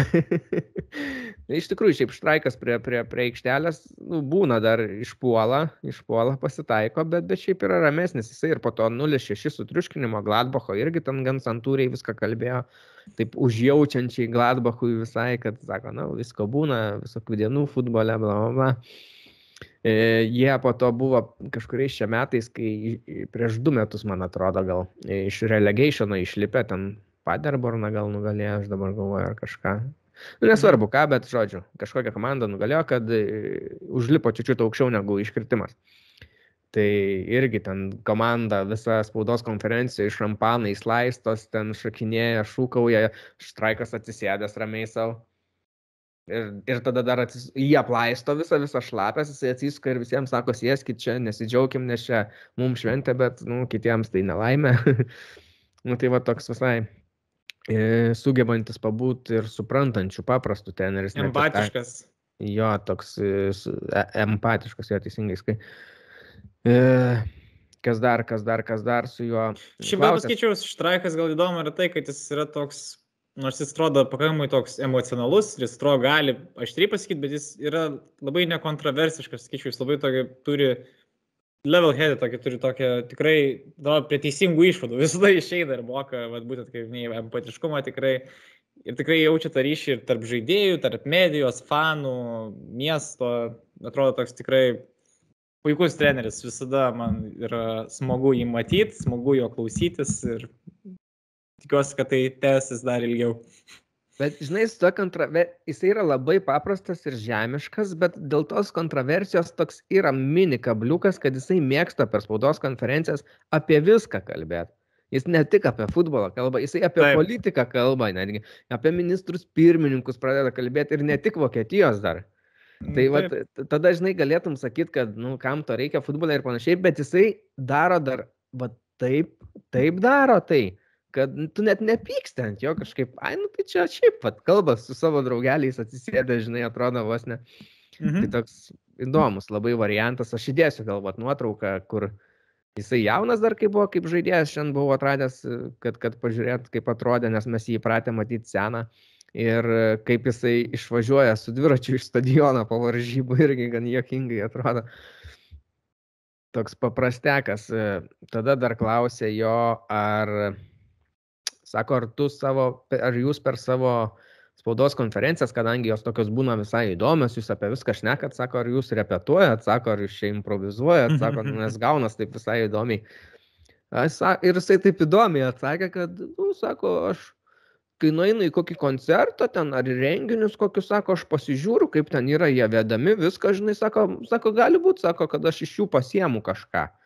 Žodžiu, įsimena. Ir sako, dar bendravau su vienu aktoriu, viską, žinai, nu tai žodžiu, truputį yra įdėjęs darbo į tai treneris, bent jau netmeta tokios galimybės. Ir e, buvo klaustas, ar e, per tiek daug metų išmoko jau galbūt netgi ir santūriau atsakinėti, galbūt susilaikyti jau dabar vietomis kartais per konferencijas. Tai sakė, kad nu, treneriui reiktų kaip ir susilaikyti ir būti tokiam, bet sako, jeigu aš per dešimt metų vienoje vietoje vis laik toks būčiau, tai sako, mano visos tada konferencijos būtų būsios vienodos ir neįdomios, nu tai sako, aš nebuvau jau toks labai. O apie treniravimą, tai jisai sakė, kad nieko niekada nekeitė kardinaliai. Sako, man netgi kartais atrodo, kad kai pradėjau prieš dešimt metų, taip ir darau. Bet sako, na, kai jau tikrai analizuoju, tai pamatau, kad ne, bet tiesiog e, tie pokyčiai vyksta kas sezoną po truputį. Ir sako, kai po truputį vyksta dešimt metų, tai aišku, tame tarpe nuo A iki Z, kur nuo pirmų metų iki dešimtų, tai gaunas labai dideli tie pokyčiai. Tai Aš va, galiu tiek... dabar net pasakyti, prisiminus šiaip Bundeslygos žaidimo stilių, tas visas būtent kontrapresingas, greitas išbėgimas į, į polimą. Prisiminiau dabar, nes nei buvo, aš galvoju, Turkijos lygoje kažką treniruoja treneriukas, bet taip, taip gražiai pasakė, ten jiems nesiskaitė, ten daug pralaimi ir jo klausti, po, ar nesigili, kad per daug atvirą futbolą žaidžiat. Žurnalistas pasakė, gyvenimas yra per trumpas, kad statytum autobusą ir žaisim kontratakom. tu čia, žinok, man duodi labai gerą užuominą pereiti prie kito trenerio, bet aš dar norėjau paskutinį tiesiog faktą pasakyti apie Štraichą, kad šiaip Štraichas buvo pakankamai rimtai svarstomas 2018 metais, kad taptų Bayerno treneriu. 18? Tai čia 18. prieš kovačių? Čia po Jūpo, jo. Po to, kai Jūpas laikinai buvo. Žinai, ką aš galiu pasakyti, dabar dešimtmetis praėjo Štraicho ir buvo išmesta lentelė, kiek kokie klubai, kiek trenerių turėjo per tą laikotarpį. Kiek Bayernas turėjo trenerių per tą laikotarpį? Ojoj, nu gerai, žiūrėk, bandau. Vienas, du, e, trys, keturi, penki, šeši. O jų pas kaip vienas ar du skaitos jau? Geras, nu, aišku. Nuskaitom kaip vieną. Gerai. Šeši, septyni. E, aštuoni. Devynis gal? Aštuonis. Aštuonis, tai kažką biškai per... Ai, Klinsmanas anksčiau buvo. Jo, Klinsmanas anksčiau. Jo. Aštuoni. Okay. Kaip tau tai? o daugiausia, daugiausia keitė iš e, dabar esančių Bundeslygos klubų, tai Štutgartas 14. Oho. Tai daugiau negu vieną per metus. Nu, bet tai Herta gal dasigins greit. tai va.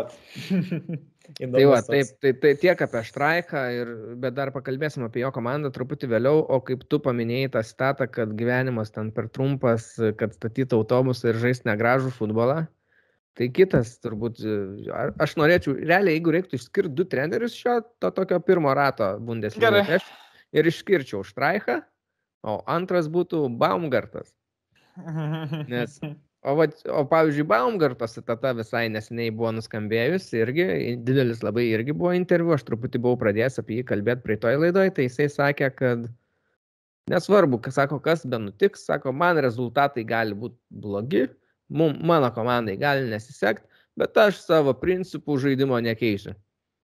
Sako, mes žaisim taip, kaip aš noriu, nepaisant visko, sako. Ir, ir tas futbolas jo, kaip aš sakiau praeitoje laidoje, yra tas būtent toks gegen pressing, bando į ataką. Pro, proaktyvus, tas nelaukia vieno varžovų žaidimo. Jo, jie varo į priekį ir, ir jiems kol kas sekas. Tai va, o kokie tau treneriukai patiko šį pirmą ratą? Aš išskirčiau keturis, nu tai du jau paminėjai. Tarsi Štraikas ir Baumgartas, tai labiau gal skaičiau kaip asmenybės gal net. Uh, bet aišku, rezultatai atitinkamai, atitinkami irgi yra. Kaip dar treneriai su, šiaip, gal, nu, iš vieno gal tikėjausi kito, ne, tarkim, Gerardas Sevanė visai, sakyčiau, teigiamai nustebino Leverkusino, mm. kad sakyčiau, mm -hmm. Leverkusinas, sakau, man atrodo, išėjo į pliusą pasirinkdami šį trenerį. Kol taip. Man bent taip atrodo, gal jie čia, žinai, pasimetų tų taškų pasibarsto, bet žiūrint jų kaip ir minėjom, ir komanda gera komplektacija irgi viena tokia geresnė vasarą turėjo, bet ir panašu, kad treneris pakankamai stabiliai su ją laikosi. Tai jį paimčiau ir antrą dar aišku, mums pažįstama Sebastianą Hoinesą, nes Hoffenheimas taip ramiai, ramiai, bet irgi Penktoji vietelė. sėdi penktoje vietelėje, lygiai taškus su Leverkusenu ir irgi žaidžia patrauklų, patrauklų futbolą. Mhm. Abi komandos žaidžia labai Mhm. tokį atakuojantį irgi futbolą gerą. Ok, su treneriukais, taip, tai dabar nežinau, kaip mes norėtumėm aptarti tą pirmą ratą, jau šiek tiek ir pradėjom realiai, ar imam po komandėlę, ar, ar per kažkokias nominacijas, kaip tau būtų maloniau. Nominacijas gal kalbam. Per, kiekvieną komandą, man atrodo, per ilgai užtruks. Per ilgai jau ir taip, mes turim visai netrumpą laidą. taip, Gerai, taip. tai, tai aš tada tokias kelias gal pasirašiau, pavyzdžiui, kurie tave jaunieji žaidėjai labiausiai nustebino, bet jaunieji būtent ir e, kuri, kuris tau labiausiai galbūt imponuoja, patinka, tu daugiausiai iš jo tikėtumės galbūt dar ateityje arba likusioje sezono daly. Mm. Na gerai, aš kol kas pirmą, kas galvoju, tiesiog, na aišku, man atrodo, negaliu nepaminėti tiesiog Judo Bellinghamą. Man Mhm. jis atrodo, kai buvo traumuotas Hollandas. Aš sakyčiau vien dėl to, kad Hollandas buvo traumuotas ilgą laiką išrytęs, aš jį tiesiog ir vadinsiu geriausiu Dortmundo žaidėju, gal taip. Nes jis atrodo ir lyderio savybių turi, sumė komandą į priekį ir tikrai yra užsivedęs. Aišku, dar matosi, gal kažkiek tos patirties trūksta, kaip žinom, su savo bauda jau pasiėmęs po komentarų. Pareina Bet- dar kokie 70 milijonų Dortmundų iš Anglijos. Jo, jo, čia tikrai buvo gera investicija ir aš tikiuosi, kad jie išlaikys jį kiek įmanoma ilgiau. Nes įdomu matyti tokį žaidėją lygoje, ypač kai oponentai yra pakankamai stiprus. Mm, ką čia dar kitą taip sugalvoti, taip greit nesugalvosiu. Gal turi kokį savo vieną, kol aš pamastysiu. E, Man kol kas stebina maloniai Burkardas. Mhm. Ir- Gerai, geras pasirinkimas. Jo, nes jisai gali tapti, sakykime, Vokietijos tą polimo žvaigždė ateityje, Mhm. smaigalyje, kuri, kurios trūksta Vokietijos rinktiniai. Ir irgi tą pačią poziciją man visai patiko šį sezoną, kaip, kaip išsivažiavo pagaliau e, Lukas Mecha. Mečia. Mhm. Meča, jo. Jo, jisai gal tik dabar vėl sustraumavo, iškrito ilgesniam laikotarpiui, bet jis tikrai buvo gerai įsipagavęs. Aš tai gal tada dar paminėsiu, va ką kalbėjom, Lindstromą šiaip nustebino, šiaip jeigu iš tikrųjų iš visų Dabar žaidėjų, jau jo.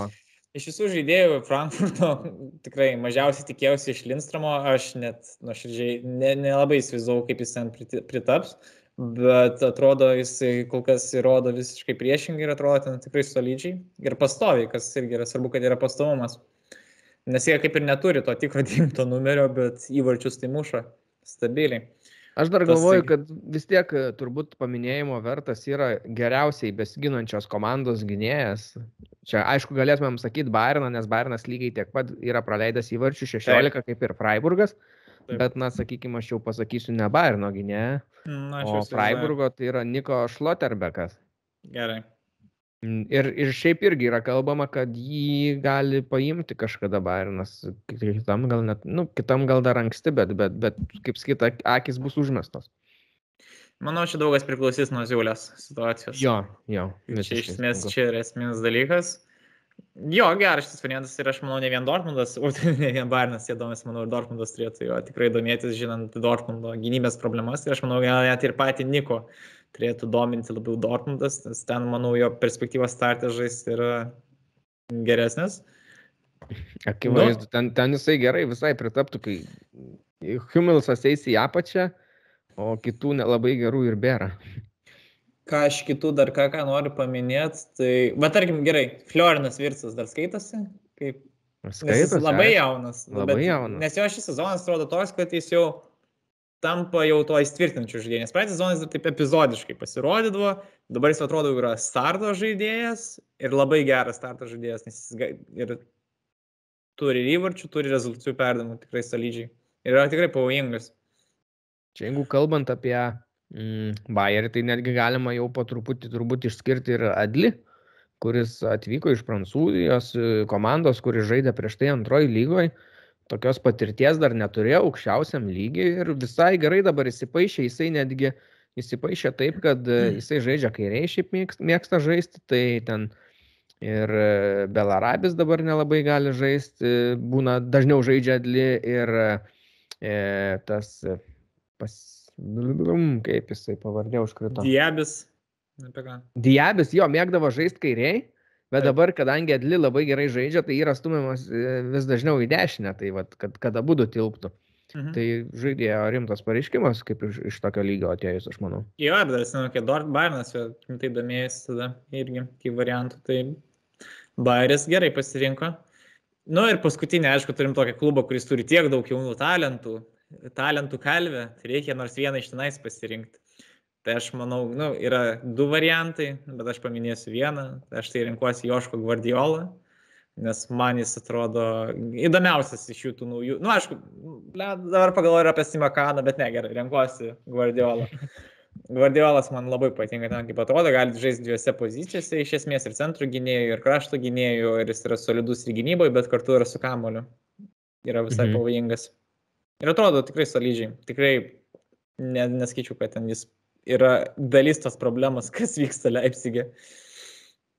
O iš sakykim naujokų žmonių kurie pirmą sezoną žaidžia bundeslygoje ne, ne, nepriklausomai nuo amžiaus jau mhm. tu turi tokių variantų pirmą sezoną bundeslygoje Jo, man tai aš, pavyzdžiui, rinkčiaus iš to, ką tu netgi buvai pasakęs, tai man tai Gerai. Jasperas Lindstromas dabar vat, visai neblogai atrodo. Bakeris nebūtų gavęs traumas, būtų irgi, sakyčiau, variantas buvęs gal. Mhm. Mhm. Mm. Ne, nu tai aišku, ten Leipzig yra dar Saboslavijos, Simakanas, bet dabar bet labai labai Leipzigas uh, stringa, tai va ta, ta, tas apsunkina. Nu, bet, bet mes dar kalbėjom, jo, bet mes kalbėjom, kad čia yra ta problema. Nes galėtum, pavyzdžiui, ir iš Gladbacho kokį skelį paimti, bet nu, jisai galėtų, sakykime, kažką į tokį pretenduoti, bet kad pati komanda labai prastai. Eik tu savo, kaip sunku sugalvoti. Aš dabar taip, mane kyla minčių, taip. Mm. Žinai, aš tau galiu duoti dar vieną variantą. Nu, gerai. Palengviusi. Aš, aš, aš turiu tą variantą, bet aš tau... Ai ne, žaidė pernai, Jėzau, apsirikau. Tokį gerą buvau sugalvojęs. Nesvarbu, net nesakysiu. nu, ką dar be Lindstromo neturi? Tiesiog Simakaną sakysiu, bet nenoriu taip daryti. Malenas dar truputį netempia. Ne, tikrai ne. Bet gal jis suvažiuos. Gali, tikrai gali, jau ir patutį įsivažiuoja. Nu, Šiaip nemažai tų žaidėjų, kuriuos paminėjom kaip jaunus, e, tikrai dalis mhm. tinka, tas pats Adli tinka, Lindstromas tinka. Jo, tai, tai, jo. Variantų dar yra. Aš matai, aš norėjau nesikartuot, bet kol kas mhm. nesugalvojau kažką geresnio. Toj, pažiūrėsiu greit vieną. Na nu, gerai, galim, manau, po truputį įdėti, nes aš šitai greitai nesugalvosiu. Haugė gavo traumą, galbūt užsikabinęs. Ne, ne. Ne, žinok, aš manau, palieku tos, kas pasakiau. Gerai, nes, paliekam. Gerai, o tada žinai, kur judam? Judam į senukų lygą. Ką, ką, ką maždaug iš veteranų kažkokių turi, kurie tave stebina teigiamai, sakykime. Nu taip, manau, ja. galiu iš tavęs vieną pavokti labai lengvai. Čia truputį yra per lengva ir neįdomu, nes nu, toks labai lengvai pasiekiamas variantas ir, ir lengvai susigalvojamas ir tas pats visiems. Ar jo šventimas yra kažkaip susijęs su akiniais? Ar, ar tau akiniais? Gal taip kaip nors ten? Jo, jo, grinai. Mhm. Apie tą patį galvojam. nu, aš galvoju, kad apie tą patį. tai jo, tai Antony Modestė, aišku. Šiaip tai džiaugiuosi, žiauriai, kad jisai grįžo ir taip sėkmingai yra tam kiolne dabar. Žiauriai geras. O tu matei dabar, kai buvo pasinės varžybos prieš turį, aš taip juokiausi, kur užsidėjo fanė, vaikas, ir jis turėjo tos e, akinius užsidėjęs, bet tokius kaip popierinius, žinai, kartoninius. Ir grinai tos modesto, kaip rankos, taip pat akinis, kai rodo, nu toks geras, jau net, nu, marketingas, jau to parėjęs. Vat jie jau dirba ir žinok, yra tų kepurių, man rodos, yra pirkti pas juos. Mhm. Tai, nu, labai, tai labai gerai. Labai gerai dirba. Ne, modestas, jis dabar Ketvirtas yra pagal įvarčius, ar jo, ketvirtas? Ketvirtas. Visoje lygoje žaidžia Kielne. Kielnas aštuntoje vietoje sėdi. Viskas labai gerai. Viskas gerai. 25 taškai. E, nuo europinių vietų skiria tik 2 taškai. Nežinau, Stabilu. viskas kol kas puikiai dirba jam. Ir Modesta, taip smagu, kad jis grįžo į Bundeslygą. ir taip su trenksmu mm, nenuvilia visiškai. Tarsi mes stebina net. Jis kaip praeitą zoną mane stebino kriuzę, tai va dabar man modestė. Nors kriuzė irgi neblogai atrodo, bet jis jau praeitą metą, jau paties, praeitį metai, man atrodo, jie buvo tokie labai spėdingesni, bet dabar, ja. ką modestas daro, tai... Tik visiškus diletantus kriuzę gali stebinti. Jokauju, gerai, žiūrėk, tada padarom gal tokią totalizatorių, tokį mini, gal aš galvoju, e, kaip gerai. manai, kuris žaidėjas tik per antrą pusę skaičiuojant, antrą ratą, įmuš daugiausiai įvarčių, bet mes neskaičiuosim, e, aišku, Lewandowskio ir e, Holando. Sakai, Holando negalim skaičiuoti? Nu, va, aš nežinau, aišku, jeigu jisai turės traumų ir panašiai, tai jisai gali ir trečias būti netgi. Bet tai jis dabar jisai, yra trečias. Jo, bet jisai gali ir, ir galutiniam likti tas trečias, bet jisai vis tiek, manau, būtų toks labai viliojantis pasirinkti rezultatą. Tai, tai, nu, variantas. Tai atsilieka, nors ir atsilieka Našiko, bet vis tiek manai, kad Hollandas pralenks Šiką. Nu, vis tiek jisai yra. Nu, supranti, man atrodo, kad Bayerį ten Diabiskai labai gerai Taip. žaidžia, kai Adlitas pats neblogai žaidžia, ten yra gal netgi dabar daugiau tų žaidėjų galinčių stabiliai mušti varčių negu pas Dortmundą. Tai va. Na nu, gerai, nu, tai tiesiog aš eliminuoju. Lewandowski numetam jo. ir išmetam Hollandą. Išmetam. Ar tu jo net nesirinktum? Jeigu nesirinktum, galim neimti. Aš... Neišmes galim. Na gerai, išmetam. Labai vilioja dabar tas Hollandas. Gerai, metam. Aš sakau, aš sakau. Nu tai va, ir kaip tu manai, skaičiuojam tik antrą pusę, kuris iš e, likusių visų, visų žaidėjų tavo manimų įmuš daugiausiai įvarčių? Palauk, palauk, lažinomės, lažinomės iš bokalo žinoma nealkoholinio alaus. Gerai, aš toj, aš toj pamastysiu. Aš turiu labai jokinga, bet tik tai per antrą, dabartinį įvarčių nieko nesiskaito. Nulis, nulis dabar. Nulis. Hmm?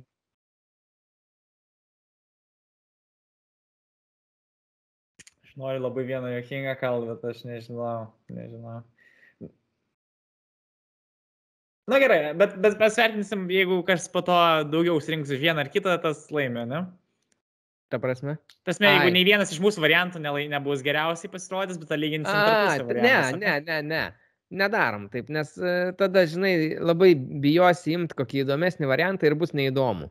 Darom, kad jeigu, jeigu tavo žaidėjas nebus antras arba trečias, ne, kaip čia pasakyti. Jo, jeigu tavo žaidėjas iš likusių nebus pirmas, tai mhm. nieks nelaimės. Nu, jeigu nei vienas mes neatspėsim. Gerai, aš turiu savo variantą. Tai patversim rankas rinktis drąsiau. Gerai, aš pasirinku tą savo variantą. Rankas nu? drąsiau. Seržas Gnabry.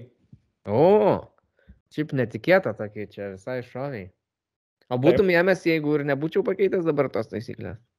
Nu, tada gal Nesakyk, paimčiau kažką. Gerai, gerai. Gal kitai būčiau jėmės. Mhm. Ok, gerai, tai tada aš šiaip labai ilgai net negalvojau apie tai, Gal, galvoju ekspromptų, bet dabar daug tų minčių sukas, sukas min, mintyse, visokių minčių galvoje. Ir aš tada, žinai, ką šausiu. E, aš pasimsiu. Nenoriu imti Patriko Šiko, nes irgi labai toks e, gan lengvas atrodo variantas. Ir aš... Nesvarbu, ar lengva, aš nesvarbu, kas įmuš daugiau įvarčių. Žinai, aš paimsiu Kramaričių. Gerai, galėsime apie jį pakalbėti daugiau. Nors šiaip visai įdomus variantas būtų buvęs Silva, bet, nu, okei, okay, viskas, Kramaričius. Gerai, šiaip geri čia buvo variantai, tikrai. Gerai. Pažiūrėsim. Skaičiuot galėsim pradėti jau višiukus po truputį.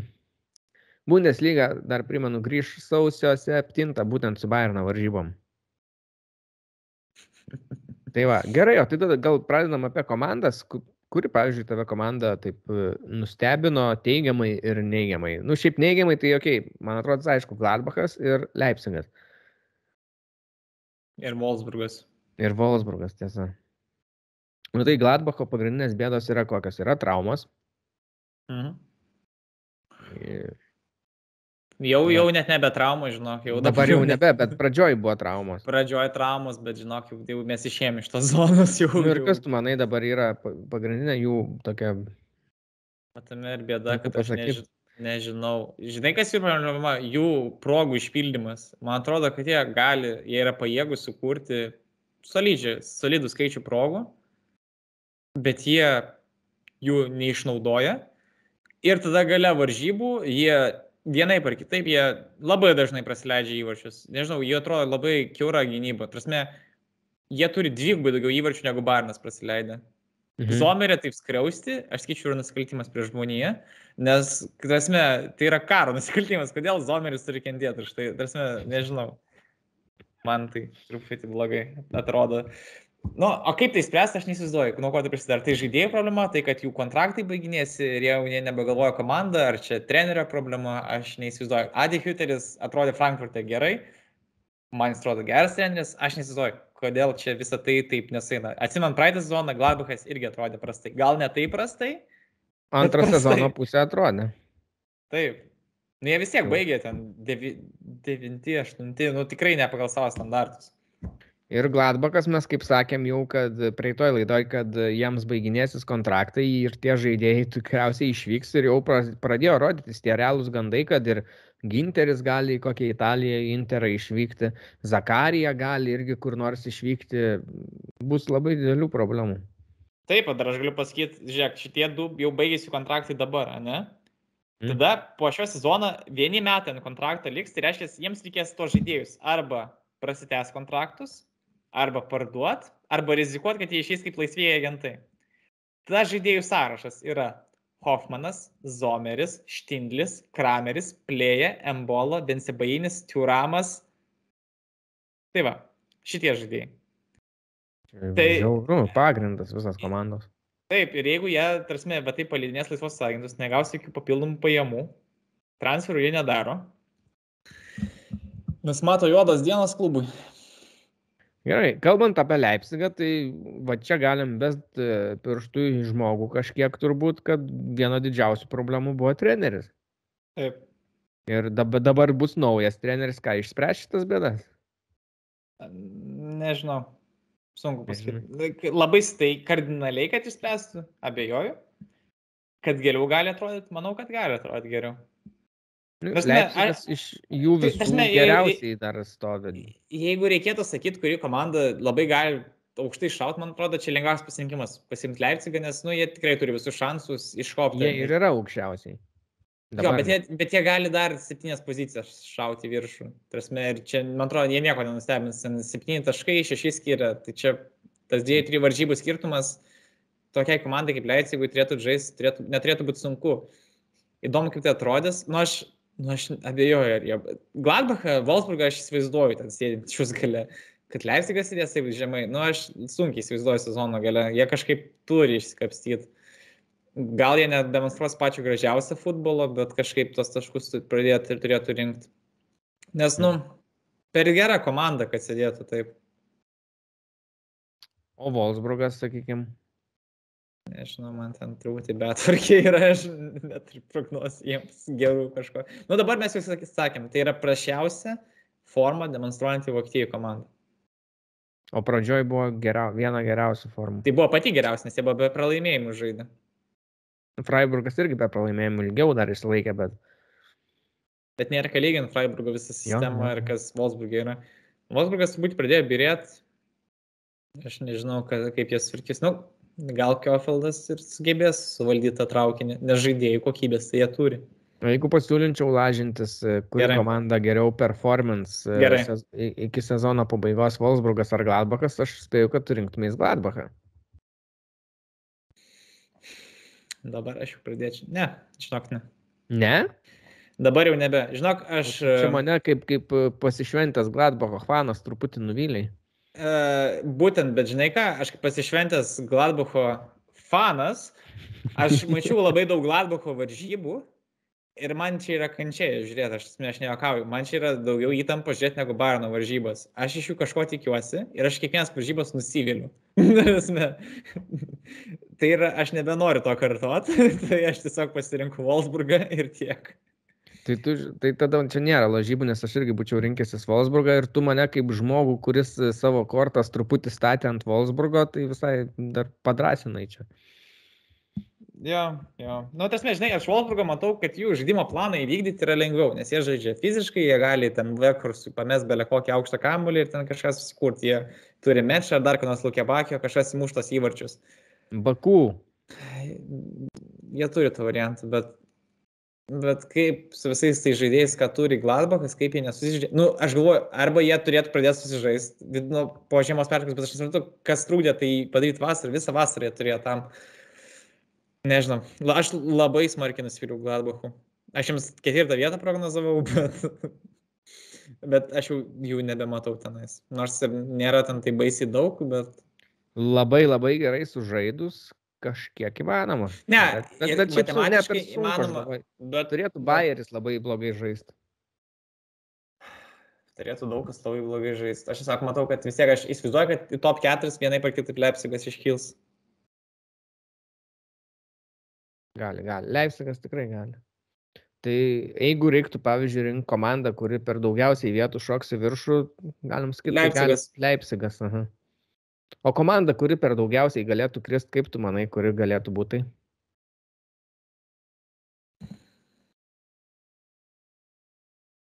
Hertha. Žinok, aš pagalvojau irgi apie Hertą, bet Hertą, nu, tos vietos kritimų yra labai nedaug. Ir aš galvoju, nu, Freiburgas, kad ir kokie jie faini, bet jie yra tiek aukštai dabar, kad, kad jiem, žinai, tas ir net kritimas į kokią septintą vietą jau yra nemaža. Keturios vietos. Nu, Hertha čia į 15. ir dar Tai panašiai kaip Hertai irgi keturios vietos, bet žinai, Herta prieš kokias čia komandas turės kristi ir prieš kokias Freiburgas. O ką, tu ne, nepasitikė Freiburgu? Aš Frai- no- noriu pasitikiu procesu. Bet, bet, aha. Šiaip dar variantas būtų visai Bochumas. Kris. Bochumas, jie yra visai aukštai, 12 vietoje, bet jie yra dar ir tokia komanda, kuri tikrai gali būti ir 16, ir 17, Nu taip, taip, nu aš matai pasirinkau Hertą tik dėl to, kad jie yra aukščiau už Bochumą. nes tu jų nemėgsti. Aš nemėgstu tai, kaip jie žaidžia ir kaip jie organizuoja tą dalyką. Jeigu jie, aš nieko prieš juos asmeniškai neturiu, tiesiog mano pats, pačias pirmas žiūrėtas Bundeslygos varžybos gyvai buvo prieš Hertą ir turiu gerų atsiminimų. Ir aš norėčiau, kad jie gerai žaistų, bet tai, kas vyksta dabar, nu aš nematau kažko ten gero. Mm, Fredi Bobičius sakė, kad Kur- Kurkutas yra draugelis geras, jo pasitikė ir bus viskas ok. Netikiu. Net kai tie draugeliai yra. nu šituo gal patikėčiau, bet, bet šiaip irgi nebūčiau tikras. Kas ten žino? Žinai, čia kaip būna, kai ateina į kitą klubą, man tai geras pavyzdys yra Morata. Kokį klubą tik nueina, iškart sako, mano svajonė buvo žaisti tam klube. jo. Tiesiog, tai vat panašiai. Nu, bet tai gal, žinai, gal jisai, kai pradeda žaisti kokiam klube, jisai iškart, pra, nu, nesiseka ir tada pradeda svajoti apie kokį kitą. Jo, jo, geriausias pavyzdys buvo, atsimenu, kai į Kiniją išėjo šitas mm, Graciano pelė iš Southamptono ir jam ten, kur, oi, čia man mėgstame, nu, nuo vaikystės svajojau žaisti Kinijoje, tiesiog jau kur. Mhm. Nu, jo. Ok. Augi Italijoje, žinai viską, bet svajoji Kinijoje žaisti. Taip. Kurios komandos a, savo lubas viršio, tai irgi yra pakankamai aišku. Freiburgas turbūt pirmą vietą be jokios konkurencijos. Su geriausia gynyboje trečioje vietoje sėdėti tokio dydžio komandai yra fantastika šiaip. Ir žinai, aš galvoju, kad tas jų mm, atsispyrimas toks aukštas yra iš dalies, okei, okay, yra Štraikas, ilgametis treneris, yra sistema, yra gynybinė komanda, kas padeda silpnesniem tokiom, sakykime, šiek tiek komandom ar ne. Solidų E, žaidėjai. Kas tokie? Solidų žaidėjai grįžo Šliotribekas iš Uniono nuomos, nusipirko jie šitą iš Verdre Bremeno. Tai va aš prie ko norėjau prieiti, žiūrėk, Jo. kad e, jie uh, nusipirko Genšteiną. Egesteiną, jo. Jo. O prie ko aš ir norėjau prieiti, kad tas koroninis laikotarpis truputį jiems padėjo iš tos pusės, kad jie tų savo jaun- jaunų, gerų, geriausių žaidėjų neišpardavė kitiems. Nes anksčiau jie šiaip daug talentų užaugina, labai pas juos yra labai stipri ta akademija ir jaunimo rašymas yra stiprus, e, jie juk kiek yra Dortmundui priauginę ir kitom komandom, bet e, tas Grifo dabar gerai žaidžia jau kelis metus, kuris anksčiau žaidė irgi Hoffenheime, pavyzdžiui, bet ir Gladbachai yra žaidęs. bet, bet, bet jie nepardavė nieko beveik vasarą. Ir jie, reiškia, galėjo su tuo savo turimų turiniu, kur jie pernai dešimti, man rods buvo. Tai jau irgi gan geras pasiekimas jiems. Tai jie su tuo turiniu vat, pasiemė kelis gerus vėl žaidėjus, kur mes kalbame, Egensteinas buvo tikrai vienas geresnių verderį, nepaisant to, kad jie iškrito. Ir šitas Šloterbekas, tai jisai yra, kaip sakiau, Bayerno jau truputį skanuojamas. Tai irgi pasako apie žaidėjo lygį. Tai vad pridedi prie tokios veikiančios komandos dar du gerus žaidėjus. Ir prašau, tre, aišku, trečia vieta yra, nu, truputį per aukštai jiems, turbūt pagal logiškai žiūrint objektyviai. Bet jie išsilaikys aukštai, aš šiaip septintukė aš juos tikrai matau dabar jau. Aš irgi. Jo, o tai kas dar taip virš savo galimybių, tai, nu, Unionas, nežinau, ar čia kaip jau daug ne, ne, sakęs, ar jau... jau čia savo pozicijų, jie turi savo vietą. Bet, bet Kielnas ir Mainzas tai irgi labai džiugina. Hoffenheimas, ne? Hoffenheimas man tokie atrodo pakankamai normalu, nes pernai tiesiog traumos juos suvalgė, o šiemet visai gerai. Aš juos matau su tokia sudėtim visai irgi septintukė, tai, tai labai nestebina. Ši Šiaip, kad dar pasakyčiau, simkim, tik sezonas prasidėjo ir mes buvom Frankfurtą nurašę ten kokią dešimtą vietą. Taip. Minimum. Taip. Dabar jie stovi šešti ir tik taškas skiria nuo Euro čempionų lygos. Vėl, kaip ir praeitą sezoną. Bet tai... jie turėjo labai prastą startą ir jie dabar mhm. labai gerai sužaidė. Mhm. Tai nėra apsaugoti, kad kažkokios tokios dobės nebus ir antroji pusė. Aišku, jiems labai prideda tai, kad jie, jie galbūt iškris iš iš, iš, iš Europos lygos. Nu, pamatysim, šiaip neaišku, bet ir tada, tada galės koncentruotis, nors, pavyzdžiui, Dortmundas jau yra iškritęs ir gali koncentruotis kaip ir Leipzigas. Nu, Leipzigas dar irgi žais. Dortmund, Dortmundas Europos lygui dar žais. Ai, teisingai, bet, bet aš nemanau, kad jie ten labai rimtai žiūrės. Aš irgi taip negalvoju, bet vis tiek tai kažkas turės žaisti. Kažkiek žaidėjai turės. Nu, pažiūrėsim. Tarsi. Bet Eintraktas, tai man rodos, galės, galės susikoncentruoti. Tai nežinau, yra pliusų, yra minusų. Nu, Frankfurtas, aš manau, vis tiek bandys lyst toliau Europos lygų, kiek išeis. Aišku, kiek galimybės leis, bet manau, jie taip nenusileis. Šiaip pasimenu, kaip mes Glasneris turėjo vieną irgi tų karščiausių sėdinių, bet išsilaikė. Ne, dabar jau ramu. Dabar, dabar jau ramu. Gali būti atsipalaidavęs. O Jesse Maršas iškeliavo namo. Nu gerai, pažiūrim į dugną. Dugne ja. yra nuo paskutinės vietos pradėsiu su penkiais taškais e, Furto Greuther su 16 taškų Bielefeldo Arminija ir su 17 taškų Stuttgartas.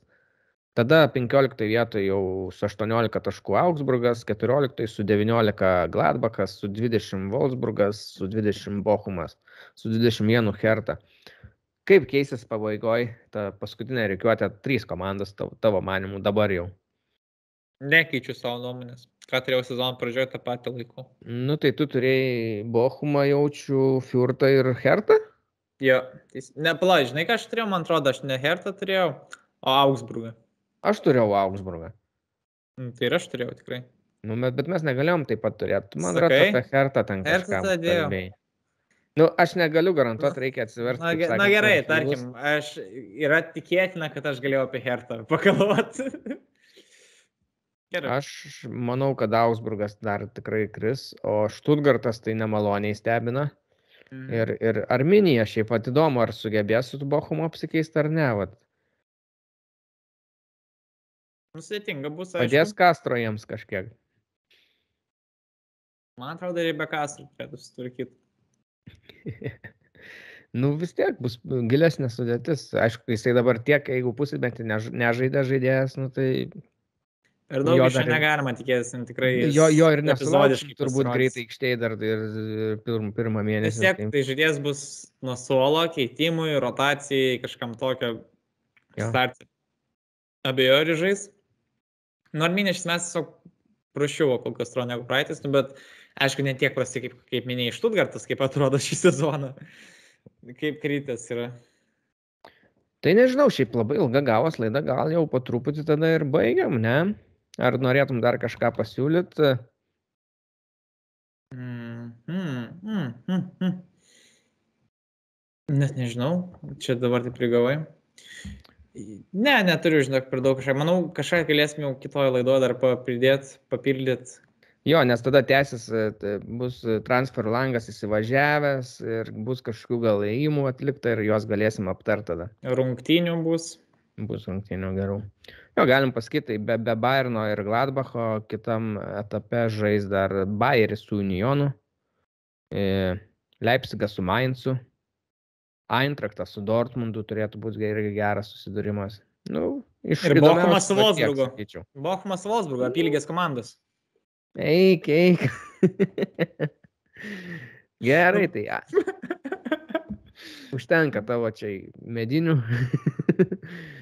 Gerai, ačiū klausytojams, kad klausot, spauskit laikus, komentuokit, prenumeruokit, palikit savo nuomonę ir iki kito karto, kai prasidės pirmas turas ir baigsis. Iki. Iki.